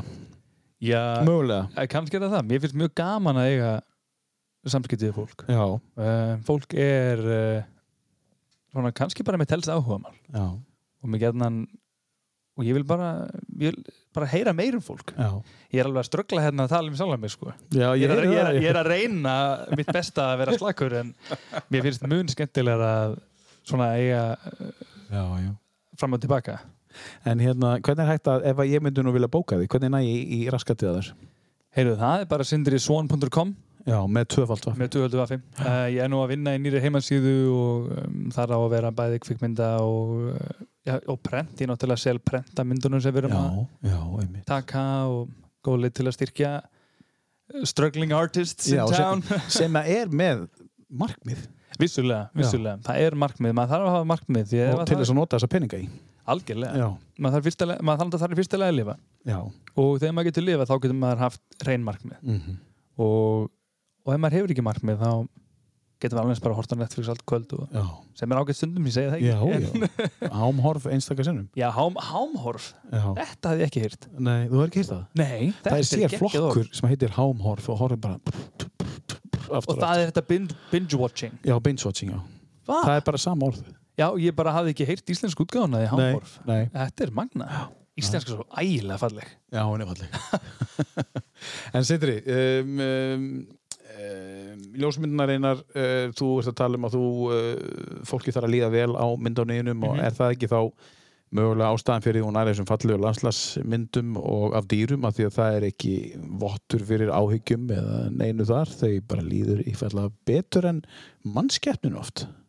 Sko, landslæginu líður alltaf vel. Já, já, já, einmitt, af dýrum, já, og akkurat dýrum og, og, og þú veist og það er kannski ekki miklar áhyggjur af vísarekningnum þar og þau eru Nei. bara hugsa um að fá þetta gras og svona, Þau lifa bara einfaldara lífi já, einfaldara lífi og Þau það er svona bara, þú sér það augunum á þeim bara Já, þau lifa næ náttúrunni og mm -hmm.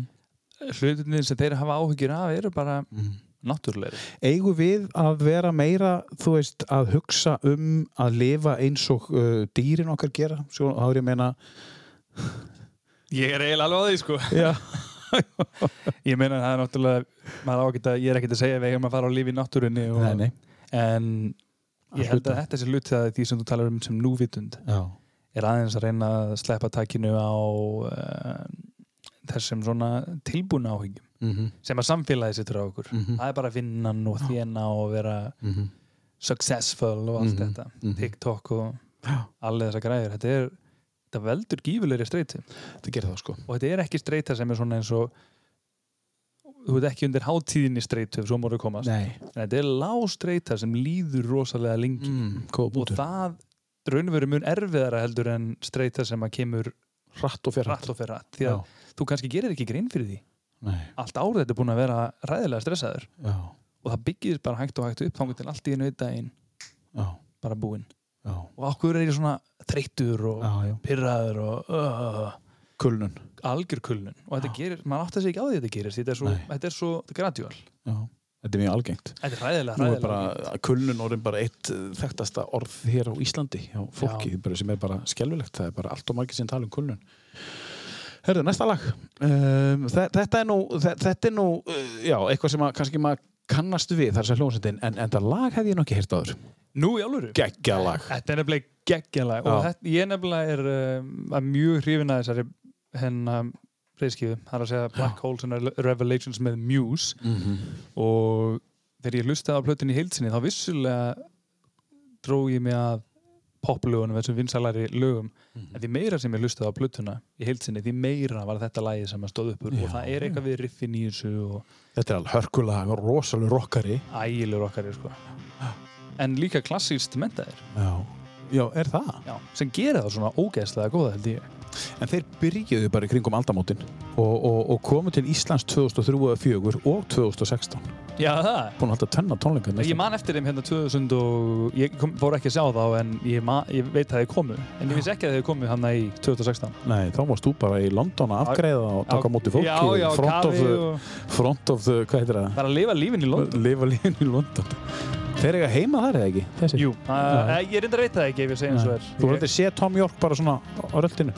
Nei, ég hef hitt marga aðra röldinu sem eru frægir Já, nei, Tom York er náttúrulega ekki þessu, hann er í Radiohead. Ég man ekki hvað hann heitir söngvarinn í Muse. En það er ekki Tom York. Nei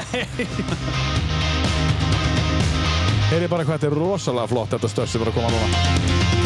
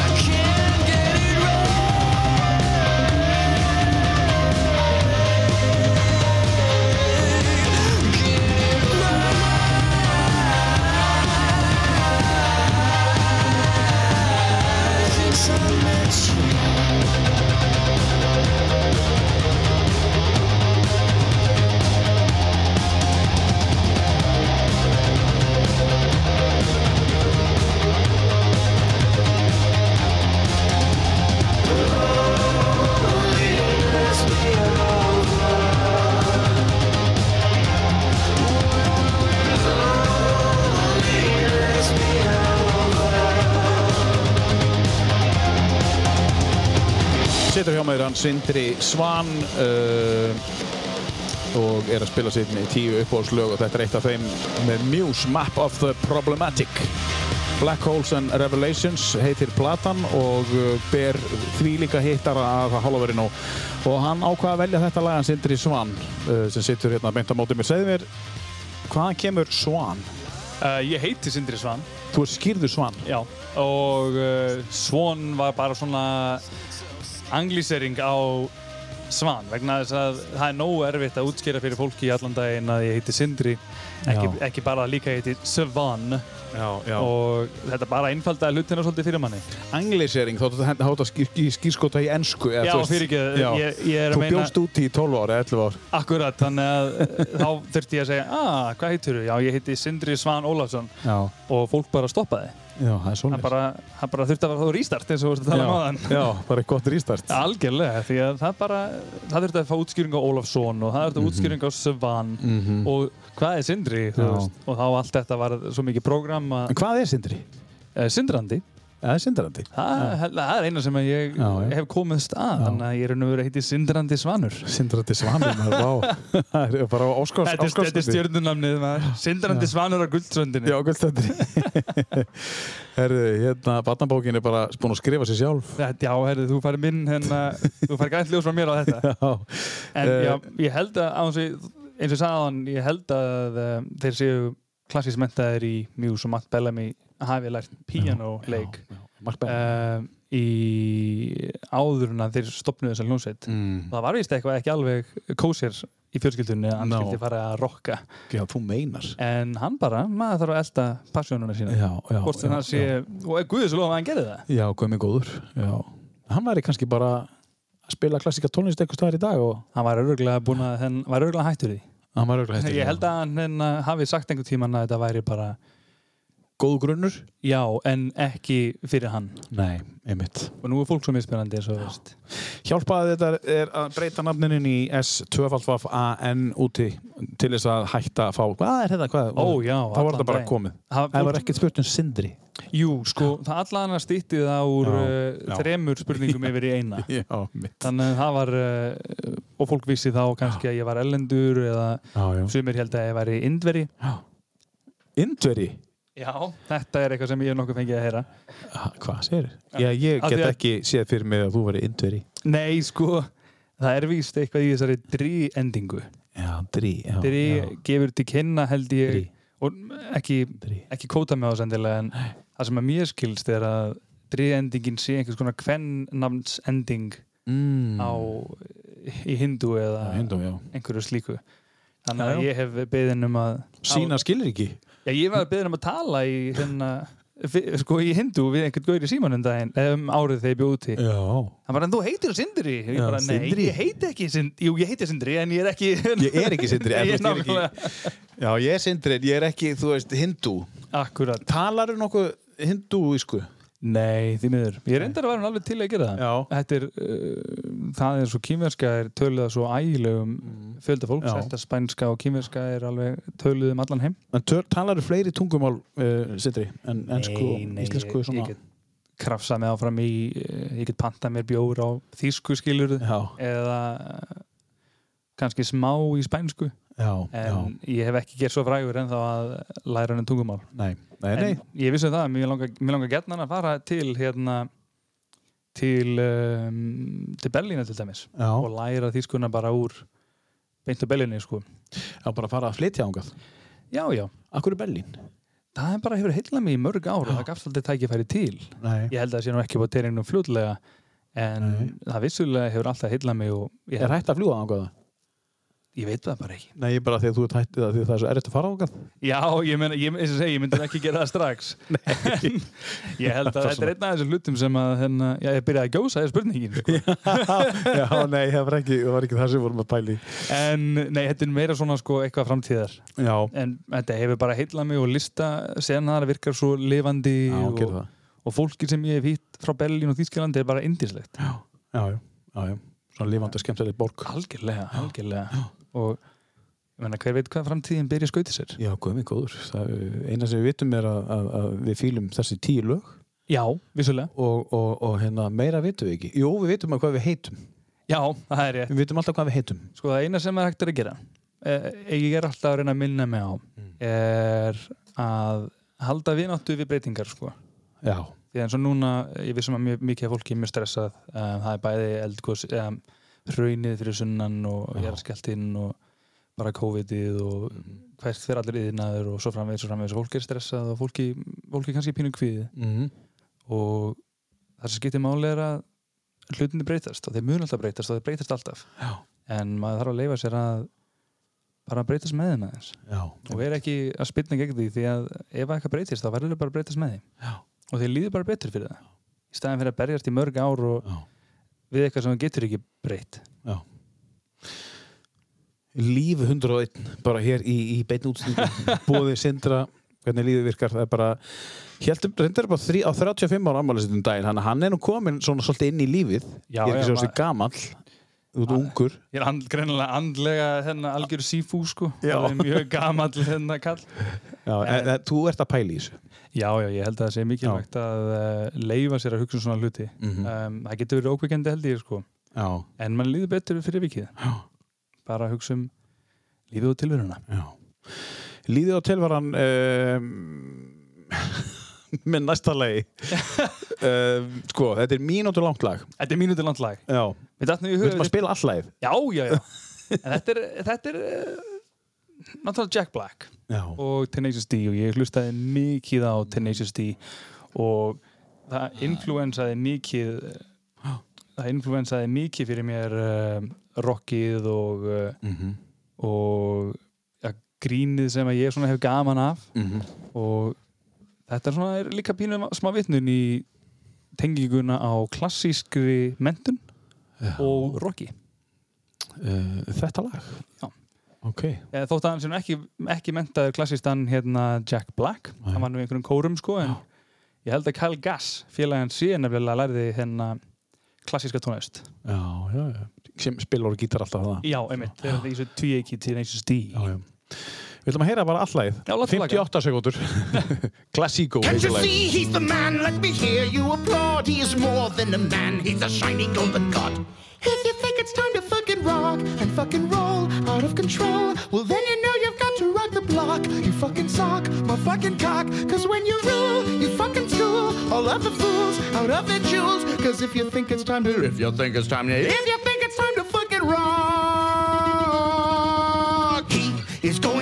kick your fucking ass. And you know his name is Kyle Gass. Rocking and fucking rolling and fucking rocking and fucking rolling and fucking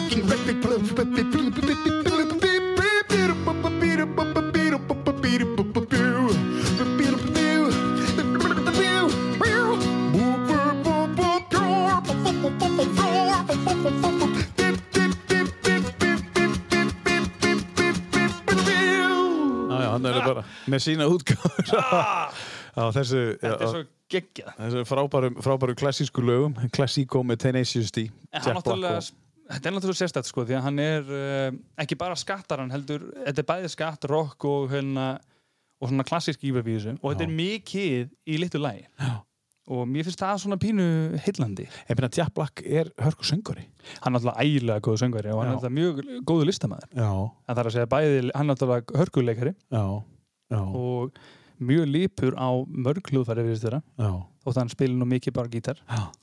en hann er alveg ég líti upp til þessa mann. Þessi maður, þegar maður horfir á hann og hann er að uh, taka svona leiksegra í myndunum sem hann er, er, er, að, er að leika í og, og meina, hann leikum, mér finnst hann alltaf að leika sama karakterin en, en það er kannski það sem er svo frábært en hann, að, hann, hann er svolítið duglegur að fara bara úr líkamannu sínu bara einhvern veginn bara svona gerir bara eitthvað og, og þú veist já, hann, hann er svolítið bara svona gerir bara eitthvað og mér er alveg sama já sko og er hann komin svona langt út á því ég held að feimnisleysið já, já. er það sem að sigrar hann svona vel hann er bæði skemmtilegur og heillandi Mm. en bara laus við feimni Já. og þetta sem hann er að gera er held ég eitthvað sem að margi leikarar öfundan af já, og það, kljóst. það Já, er já. þetta svona einmitt eins og þú segir að sleppa sér úr líkamann já, og jújú, jú, hann kannski leikur alltaf sama karakterinn leikurinn en gæsa lappa já, já. en er ekki hægt að segja það sama um Tom Cruise eða Rock og, Jú, jú, jú. ég, mér finnst mjög gaman Já. að Tom Cruise myndum Já, þegar ég veit ég er að fara að horfa á Tom Cruise já, en ekki, það er ekkert eitthvað X-faktor í þessu Nei, það er nei. bara Mission Impossible Já, og einmitt. þá veit maður bara því ef það er það sem er að Sum leita. handrit, þá er auðvöldar að skrifa handrit fyrir einfallega þennan karakter. Bara. Já, ég meina heldur þú að, heldur að Rock og þessi gaurar sem er ekki bara uh, þetta er náttúrulega bara að skrifa fyrir þá í mörgum tilfellum sko. Já, einmitt. þeir þurfa ekkert að flexa sig í hérna liklistinni held ég sko. Nei, nei. en ég held að margir grínistar og margir svona þessi alveg einstaklega góðuleikarar Já, og þess að, mér finnst þess að Ricky King Gervais alveg stórkostlegur. Já, já, The Office. algjörlega, Já, en hann náttúrulega er grínisti. Já, og, um, og ég held bara að þegar kemur að gríni þetta er fólk sem að hugsa mikið um lífið. Já, og ég held að til að sjá grínið í hlutunum þarf það að hugsa um það svolítið mikið sko. og það er bara eitthvað sem er svolítið heilandi Ricky Gervais er líka flottu dramalegari menna hefur þessi Afterlife þættin hans? Ekki ennþá, Nei. það er alveg á to-do-listanum rosalega flottu þetta og þeir eru á Netflix. Já, eh, sko bara það er hann sína drama. Já, og það er ég held að sem grínisti Já. þá þarftu að hafa ákveðið vald á lífinu Mm. og skilning á lífinu til þess að raunverulega geta verið vindin já, einmitt, já, akkurat. Þú er ert að skilja hlutin í kringu þig. Já, til þess að geta gert grína og hann er ekkert að ég held að grína hann sér ofta það er nú svona pínu einmitt, um hennar mannlega hluta Mhm. sem að gera hann held ég líka svo góðan leikara. Mm einmitt. Ert þú góðu söngvari, Sindri? ég teli mér nú alveg vera mellufæran sko. Já, svo góðan. Já, Nei, ég meina ég, hérna, ég er náttúrulega fyrst og fremst ekki söngveri, ég, Nei. er, ég læri straight leik og En þú læri söng í ég læri söng Já, og ég hef líka lært uh, total vocal technique áður en ég fór út, smá Já. af því, bara smá smjörþefin já, og vissulega hef ég gaman af því að syngja. Ég, ég vil, mér mér langar mjög mikið til þess að gera meiri söng í framtíðinni. Mhm. og ég það bara held ég að finna mitt nýs en ég finn virkilega að söngleikja söngur Mhm. er eitthvað sem að eh, svona sittur ágætlega hjá mér. Þú fíla söngleiki? Ég fíla alveg söngleiki. Um, ég er nú svona hrif- hrifnar af mitt leikritum með lögum. Þar sem að já, eða, eða kvikmyndir með lögum sem að íta sögunni áfram. Já, mér erst of oft í svona söngleikjum þar sem að lögin eru bara skraut. Já, þau segi ekki neitt. Nei. Veist, það er ekkert verið að það er bara, ó, ég ætla að syngja lag af því að þetta er svo gaman. Já. en fyrir mér þurfa lögin svolítið að íta sögunni áfram. Mm og ég er svolítið bara eins og í Disney myndum. -hmm. það er ofta sem að uh, lagið verður uh, Lion King. Já, Lion King, nákvæmlega. Og Mulan til dæmis. Mólan, já. Og það er til dæmis oft nýtt lögin sem til að gefa til kynna mikla breytingu á stundum tíma. Já, uh, eins og, já bara eins og í já, Lion King bara já, Hakuna Matata. Já að mæta hana og dansa og syngja og svo er hann fullorðin Já, en við höfum líka fengið að vita að allur lífstílis hans hefur breyst bara á þrejum mínútum. Já, og það gleymir stundum finnst mér Mhm. í þessum sjóum. Þegar þú verður að sjá um, London um, musicals. Mhm. þá verður þetta svo mikið sjó og svo mikið stuð mm að það svona er ekki alltaf sagan er ekki alltaf í fyrirrúmi. Nei. Hefur þið séð Rock of Ages? Í kvikmyndina, Já. já. Það, það er er mörg, mörg ára sinni að gera það Já, það er svona þá er bara leikur og síðan syngja þau lagið og þetta eru þekkt svona 80s ballur sem að eru Já, oft einmitt, einmitt. Í, í, í, í þessu og þá Jack eru, Black lög, náttúrulega í þessu líka já, og þá eru lögin að segja eitthvað já, þá er einmitt lög valin, Valin í samhengi í samhengi sko, já. þú Algjörlega. fílar það, þetta meina já, það algjörlega, Já, já. algjörlega ef að þið þjóna tilgangi já, já, já en bara að reyna að skilja þannig að því ég er ekki ég er ekki alveg jafn mikið listamaður og þú en ég skil hvað þú ert að segja. Já, ég er ekki á því að þú þurfir að vera jafn mikill listamæður ef, ef ég er ekki hérna nógu skýr þá er það mér að kenna. Þú ert alveg skýr, sko, en ég var bara til þess að fá það alveg reynd bara hvað þú værir að Hvað er ég meina að koma, þú- já. En, en, en sko um, þá ertu að meina til þeim söngleikir þar sem að þú syngur það sem þú ert að segja.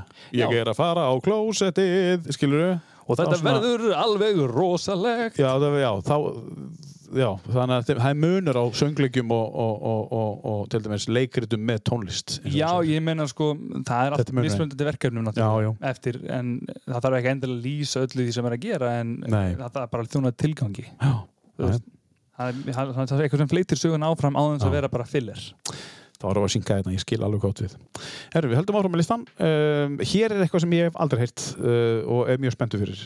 Þetta er sem sé uh, eftir japanska tónleik sem heitir The Seatbelts og þetta er bebop hérna, stíl af jazzim og þetta er uh, svona karakteriserað flóknum melodíum og miklum saxofónleik. Og þetta, ástæðan fyrir ég valdi þetta lag er ég heyrði þetta einhvern tíma þegar ég var úlingur Mhm. og þetta kveikti á mér fyrir jazzim já. þannig að þú ert að jazz, hlusta á jazz mér jazz alveg geggjað sko já, og sérstaklega eins og ég hlusta mikið á nú, nútíma jazz, samtíma jazz og uh, eins og eftir fá að heyra meira af því sko mm en þetta var það sem að svona Vá, þetta er svolítið spes og lifandi. já. hvar heyrir þetta fyrst? Eh, bara í einhverju sjónvarsefni held ég. já, Eða, eða á, bara á YouTube öruglega. Seatbelts, Mhm. Tank Tank. tíu bestu, Sindri Svan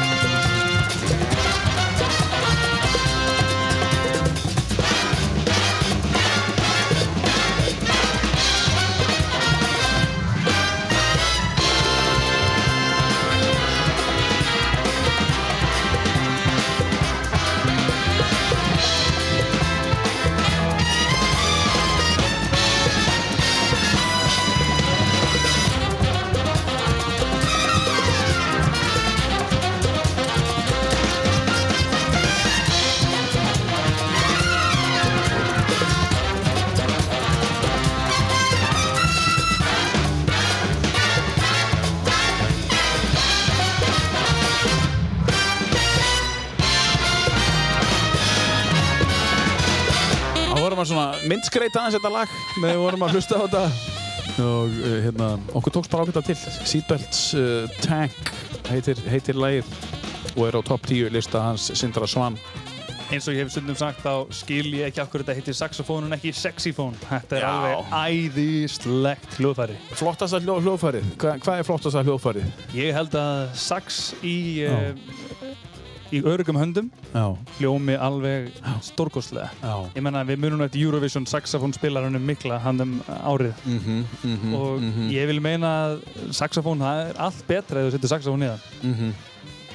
Ég verða hérna með mér að tala saman og, hérna, ég verða hérna að því að, við, að, að því að við erum að tala um saxofón. Já, að MGP uh, það var lag hérna með hérna hljómsveit uh, í norska Eurovision sem komst í úrslit núna. Ah, já ég verð já, aðeins já, að leifa þessu að hérna, líða af því að þetta komst í úrslit þetta, ég held með þessu lagi að þess vegna er ég að spila þetta lag núna. Ég horfði á, á live útgáfuna uh, og þetta lag því miður vann ekki sko. Uh, Tix vann með Fallen Angel sem er reyndar mjög gott lag en, en það er að fara í Eurovision fyrir Noregs hönd Noregs, ég ætla bara að leifa að heyra þegar að millikafling kemur hérna Já, Sindri. af því, að þú talar um að þetta sé eitt mest sexy uh, já, besta hljóðfæri í góðum höndum vissulega að það leifar að heyra eins svona á ykkur, eh, hvað ykkur finnst um þetta hér.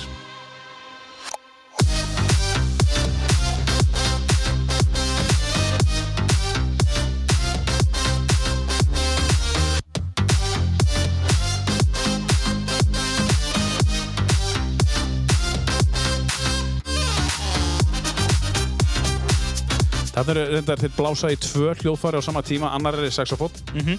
og, og hérna, það var eitthvað við þetta sem að, sem að kveikti í mér. Uh, hérna, þú heyrir, þetta er aðeins herra núna sko. Og síðan, síðan byrjar hún að syngra, syngja, svo kemur annar kapli núna, þá er bara dýpri Mm, mm, saxofón. og þá farir ennþá dýpra niður. Ég, sko, ég, ég veit alveg að sko, tónlist, söngurinn er bara allt í lagi og allt það, en svo kemur sko hlustaði bara á þetta sem kemur núna, nú, nú fara það dýpra niður. Hann er með eitthvað svona hljóðfæri sem er bara svona tveir metrar á hæðið eitthvað. Þetta er fáralegt sko.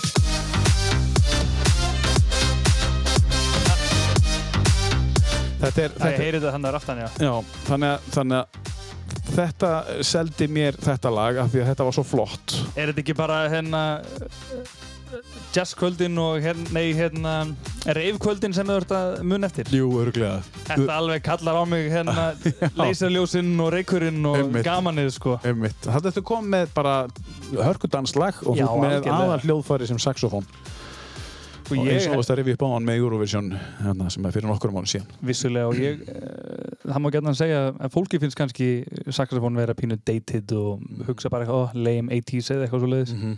En ég held að saxofón það bara er fátt betra að þú bætir saxofón í Já. bakgrunnin sko. Já, en ef þú ert að semja uh, hérna uh, söngleik þá segir bara saxofón fyrst og svo eitthvað annað. Það verður alltaf húkum fólki með saxofóni. Það er eina sem að það er bara eitt saxofón í öllum lögum. Já, þú húkar fólk með saxofón, þú bara svona nærð þeim. Já, heyri, Já, sko fólk er með tvíraða tilfinningur á saxofón en Já. ég held að það bara veit ekki að fíla það nei En það, það er búið að hörku umræði á saxofón hérna sem er augljóslega í uppáhaldi hjá honum Sindra, eh, það hljóðfæri en, en, en hérna spilar þú á okkar hljóðfæri? Nei, því miður hef ég ekki gert svo frægur ennþá Nei. Ég uh, er samt svona ég hef dablað eins að leika mér að spila hljóma á píanó og svoleiðis og ég hugsa, já. ég hef alltaf auga með því að einhver auglýsi hljómborð til sölu svo ég geti gripið þeirri lítið og Já, við augljósum Já, eftir þú- hljómbóri já, nákvæmlega, ef einhver vantar að losna hljóðborð Mm. þá uh, geti ég kannski hjálpað eitthvað með það. Já, það var bara, bara að semja eitthvað upp á, upp á, hérna, já, upp á næsta söngleik. Já, er þá þetta stýttur í stofinni og ekki verður ekkert notað næsta árin. þurkar af þessu vikulega. Nöðsynlegt, nöðsynlegt Herðu, við eigum þrjú lög eftir og, og við erum búin að geima eitt lag sem þetta hangað til síðast og það er nú engin smáraðis kanóna sem að sem að, uh, sem að kemur þá. Um, Sko Della Soul. Eh, Hlustaru á Della Soul hljómsveitina eða þetta lag sem er að koma núna er með Della Soul að hluta Ég hlusta ekki á Nei, ekki jafnaði. Ég hlusta eins og á Tom Misch Thomas, já og hann er, eh, finnst mér, akkurat talandi um jazzin, sko, mm hann er alveg uh, dundur, sko. mm. og uh, þá vorum við að tala um uh, kappa sem að um, er að hérna fá Della Soul með sér í þetta lag sem heitir Vissulega, vissulega. It Runs Through Me Þetta er aftur einmitt að þessu lögum sem ég þurfti að uh, taka að þessari plötu velja, það voru þrjú eða fjölu og þessari plötu sem ég átti erfitt með úr. Nú, að þessari geography Þetta er alveg dundurplata. Ég mæli indrið með og takkir og Já. hlustir á hana eitt kvöldið eða á svona rólegu mómenti og á þessu sjöflunni á ekkert sjöfl. Þessi plata sem er klálega þarf ekki að vera sjöflu. Það er bannað að sjöflblöðum Herðu, platan heitir It Runs Through Me og, og hann heitir Tom Mish Mish, er ekki rétt hjá mér? Mish, yes. Mish, og, og hérna hann eh, er eh, já svona jazz skotinn eh, og hann er hérna að fá með sér hljómsveitana De La Soul og þetta er síðan 2018 Já, þetta er bara nýtt Þriggja ára gamall. já, þryggja ára gamall En hvað hefur- gerist þetta 2018? eða? Það er bara sig. good vibes, good vibes maður. já, Ég held að en bara í stundum fer maður á eitthvað flug og finnur hluti sem maður fílar. já þetta er svona nýmóðins jazz Þetta er algjörlega nú jazz sko. já, já, hlustum á það I love the way it grows. There's something in this sound that takes me far. It's like a special song, can move my mood along. What I cannot say, you'll hear through my guitar. She told me at the bass line, and everything will be alright. She told me that the groove is mine, it will take us through the night. And where I'll go, can't explain, I'll never know. But it's beautiful. You can't take this away from me.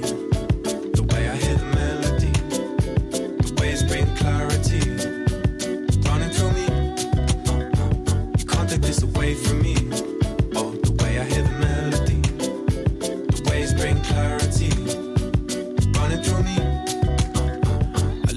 Sings, all the joy that it brings.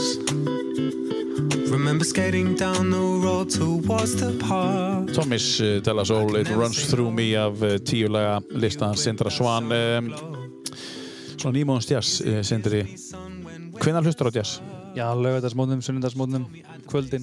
Já, Já, það er bara alltaf tími fyrir jazz. alltaf tími fyrir góðan jazz En ég held að uh, ég er mjög líklegur til þess að setja jazz á sunnundagsmótnum ef ég vakna nógu snemma og kannski kasta í góða morgunverð Já. og Það eru fleiri sem hafa komið hérna sem hlust á jazz Já. á lögadags og sundagsmátum Hvað, hver er ástæðan sér fyrir því? Meina, svona, þau tala sérstaklega um þetta Já, þetta er svona ekta helgi því ég er að vakna með kaffibóllan og, setja jazz á veist, uh, það er erfitt að segja til það sko. Ég held að, margir í fríi já, dagurinn framöndan dagunum framöndan eitthvað sem jazzin gerir svona Ég held að það sé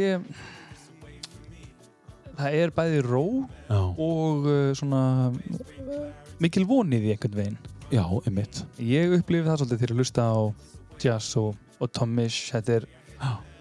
það er einhver, einhver tillökun í þessu sem að Mhm. og svona jákvæð vibe sem að ég er með setja í orð en virkilega virkar Líður þér öðruvísi þú hlustar á jazz eða eitthvað algjörlega Getur þú útskýrt hvernig, sko, nú varstu aðeins farin á stað með það, getur þú svona, þú veist, hvað er það? sko það er uh, þetta er eitthvað svona ég, ég bara róast allur Já. það er eitthvað við bara taktana og, og tónana sem eru í veist, bara bygginguna í læginu það er ekki ætlast til uh, mikil samver ekkert veginn Nei, einmitt. þetta er bara þetta er þægilegt til hlustunar og þetta er bæðið fallegt og flókið Já. og einfalt og hérna svona romantíst einhvern veginn oft Mm og mér líður bara alltaf rosalega vel hlusta á jazz Já. Ég held sem mikið til í þessu vegna þess að uh, ég hef gert svona óformlega rannsókn með þetta. já, Um, þess vegna spur ég þig.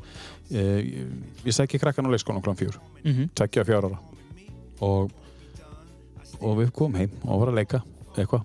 Og, og sett pop á eitthvað leis og eftir kannski 20-30 mínútur þá var honum svona spenni, spenna í, í heimilinu þú veist og þú veist eitthvað leis síðan finn ég bara einhvern playlist sem heitir bara slow jazz sem er bara svona bara opaslega easy jazz.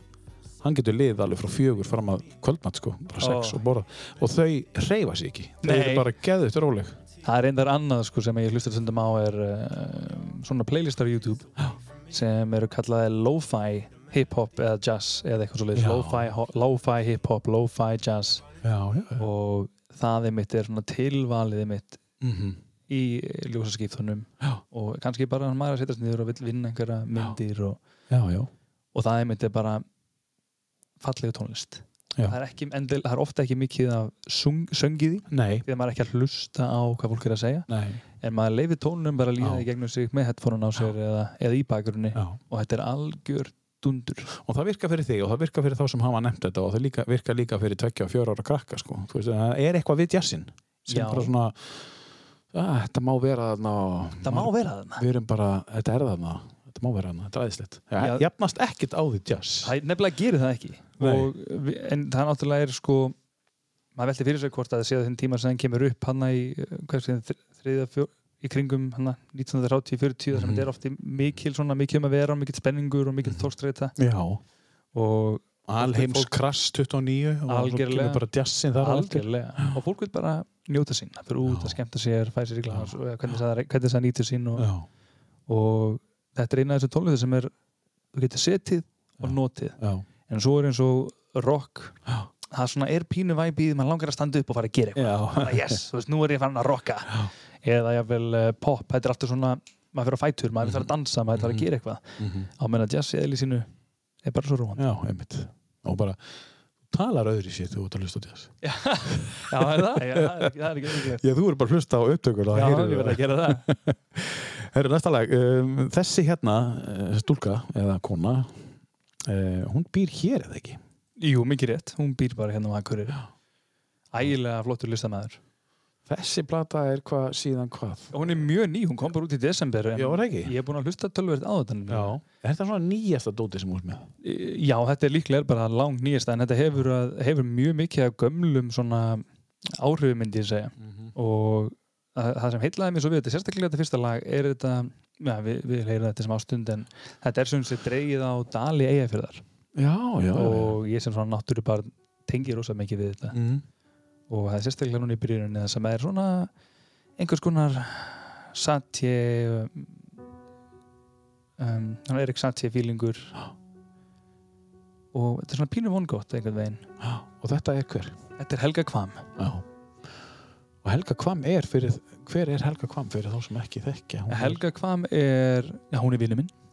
Hún er vinnur, já. En hún er já, tónlistar kona. Já, mikil og merkileg og Mhm. hennar er sem er mikil eigin tónlist og er í já hún er með, unnið hérna með henni ég minn einu. Nú er það stóluð mér Örvars hérna. Þórildur Þórhildi Örvars. Og Og þá allar Örvars líka líka? Já, Hann hefur runnið mikið með sýsti sinni. Ég, veist, ég bara veit það ekki að segja eins og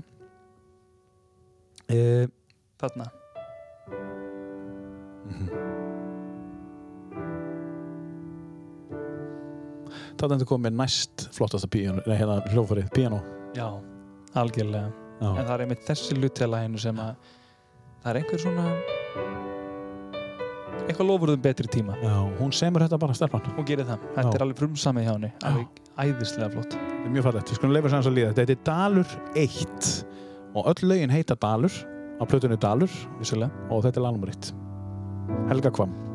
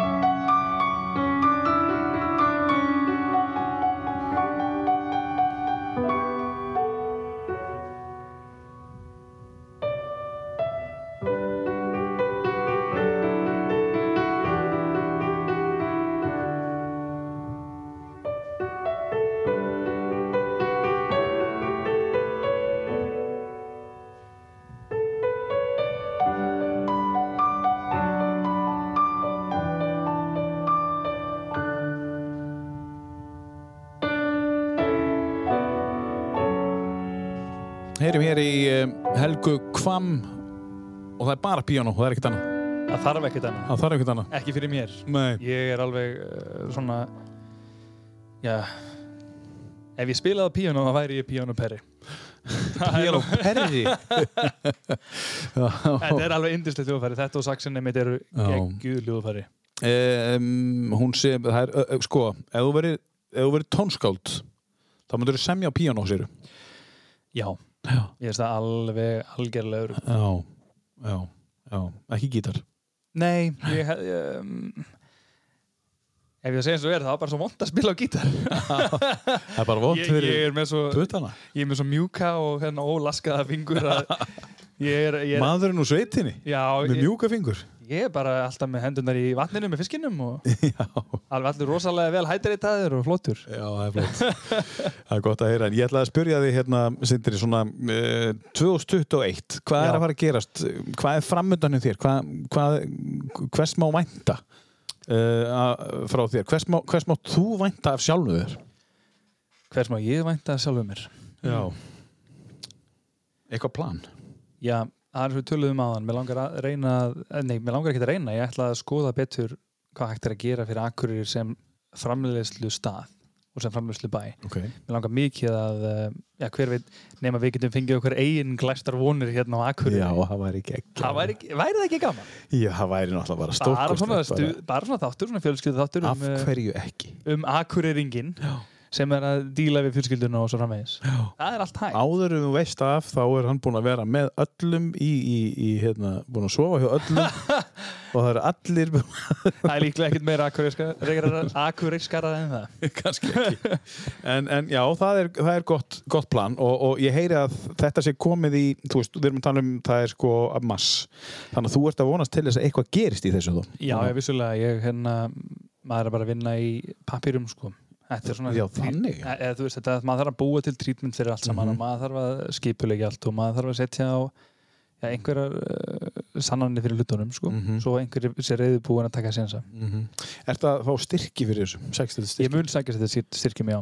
Já. En uh, fyrst þarf að vera með eitthvað uh, juicy í höndunum. Þetta er frábær hugmynd og, og hérna e, í rauninni bara myndi ég segja að það er sér skilda akkurar bæjar að koma hlutu til inn í þetta þó myndi kannski sækjast þið styrki annar staðar frá en það er skilda akkurar bæjar að koma eitthvað hlutu inn í þetta Og ég held að það sé hægt að skaffa Já. allan einhvern smá innað hérna. Já, Bara rétt eins og við sáum með, um, með symfoníuna. Ægilega flott í það. Já, Bara rosalega flott. já, já, Og ég vil bara halda áfram að lifa og dafna og vaksa. Það er, uh, þetta er vera mjög erfiðir, erfitt. Mm. Þetta undarfæran ár fyrir, ég bara mig og alla. já. Hvernig verið þig? Já, þetta er bara eins og ég hef sagt aðan, ég er mikill uh, maður sem er gaman að hitta fólk og Já. kynnast fólki og Já, nærist svo litið á því, þá er mjög erfitt að geta það ekki. já Og um, það hefur vissulega tekið á mann og mm -hmm.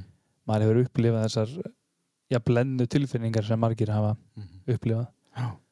Og með vaksandi sólu að hækkandi sólu segi ég Mhm. og, uh, og frekari bara bjartari framtíð þá held ég að þetta verði mjög spennandi komandi ár Já Ætlar að mynda meira? og já, ég mun aldrei hægt að mynda Nei enda Er svo, ykkur enda, enda það? svo myndalögur maður Já, mjög myndarlegur En hérna, er ykkur sýning framöndan? já Já, það er ekki, já, er ekki- má ekkert segja um það. Það er ekki hérna komið í ljós en það sko. En uh, ég vissulega er að uh, láta prent út og uh, mm Og þið Eh, þrý ekki þó? Já, hann, Eithor til dæmis tók rosalega flotta mynd af rundrungum hann um fyrir, fyrir ár og það verður ægilega flott og, og það er vonandi að maður geti svona leikið þetta eftir og haldið áfram að ég er náttúrulega að selja einhverja myndir núna strax en Já, já. það er vonandi að maður svona Já.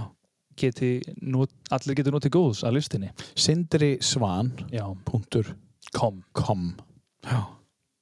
Já, uh, með tvö alltaf í Við 12.5, Sindri Swan Sindri Svan.com, það Eh, við upplýsingur um það og hvað er í bóði Hvernig, ég ætla að spyrja þann, hvernig kynntust þið þrýr?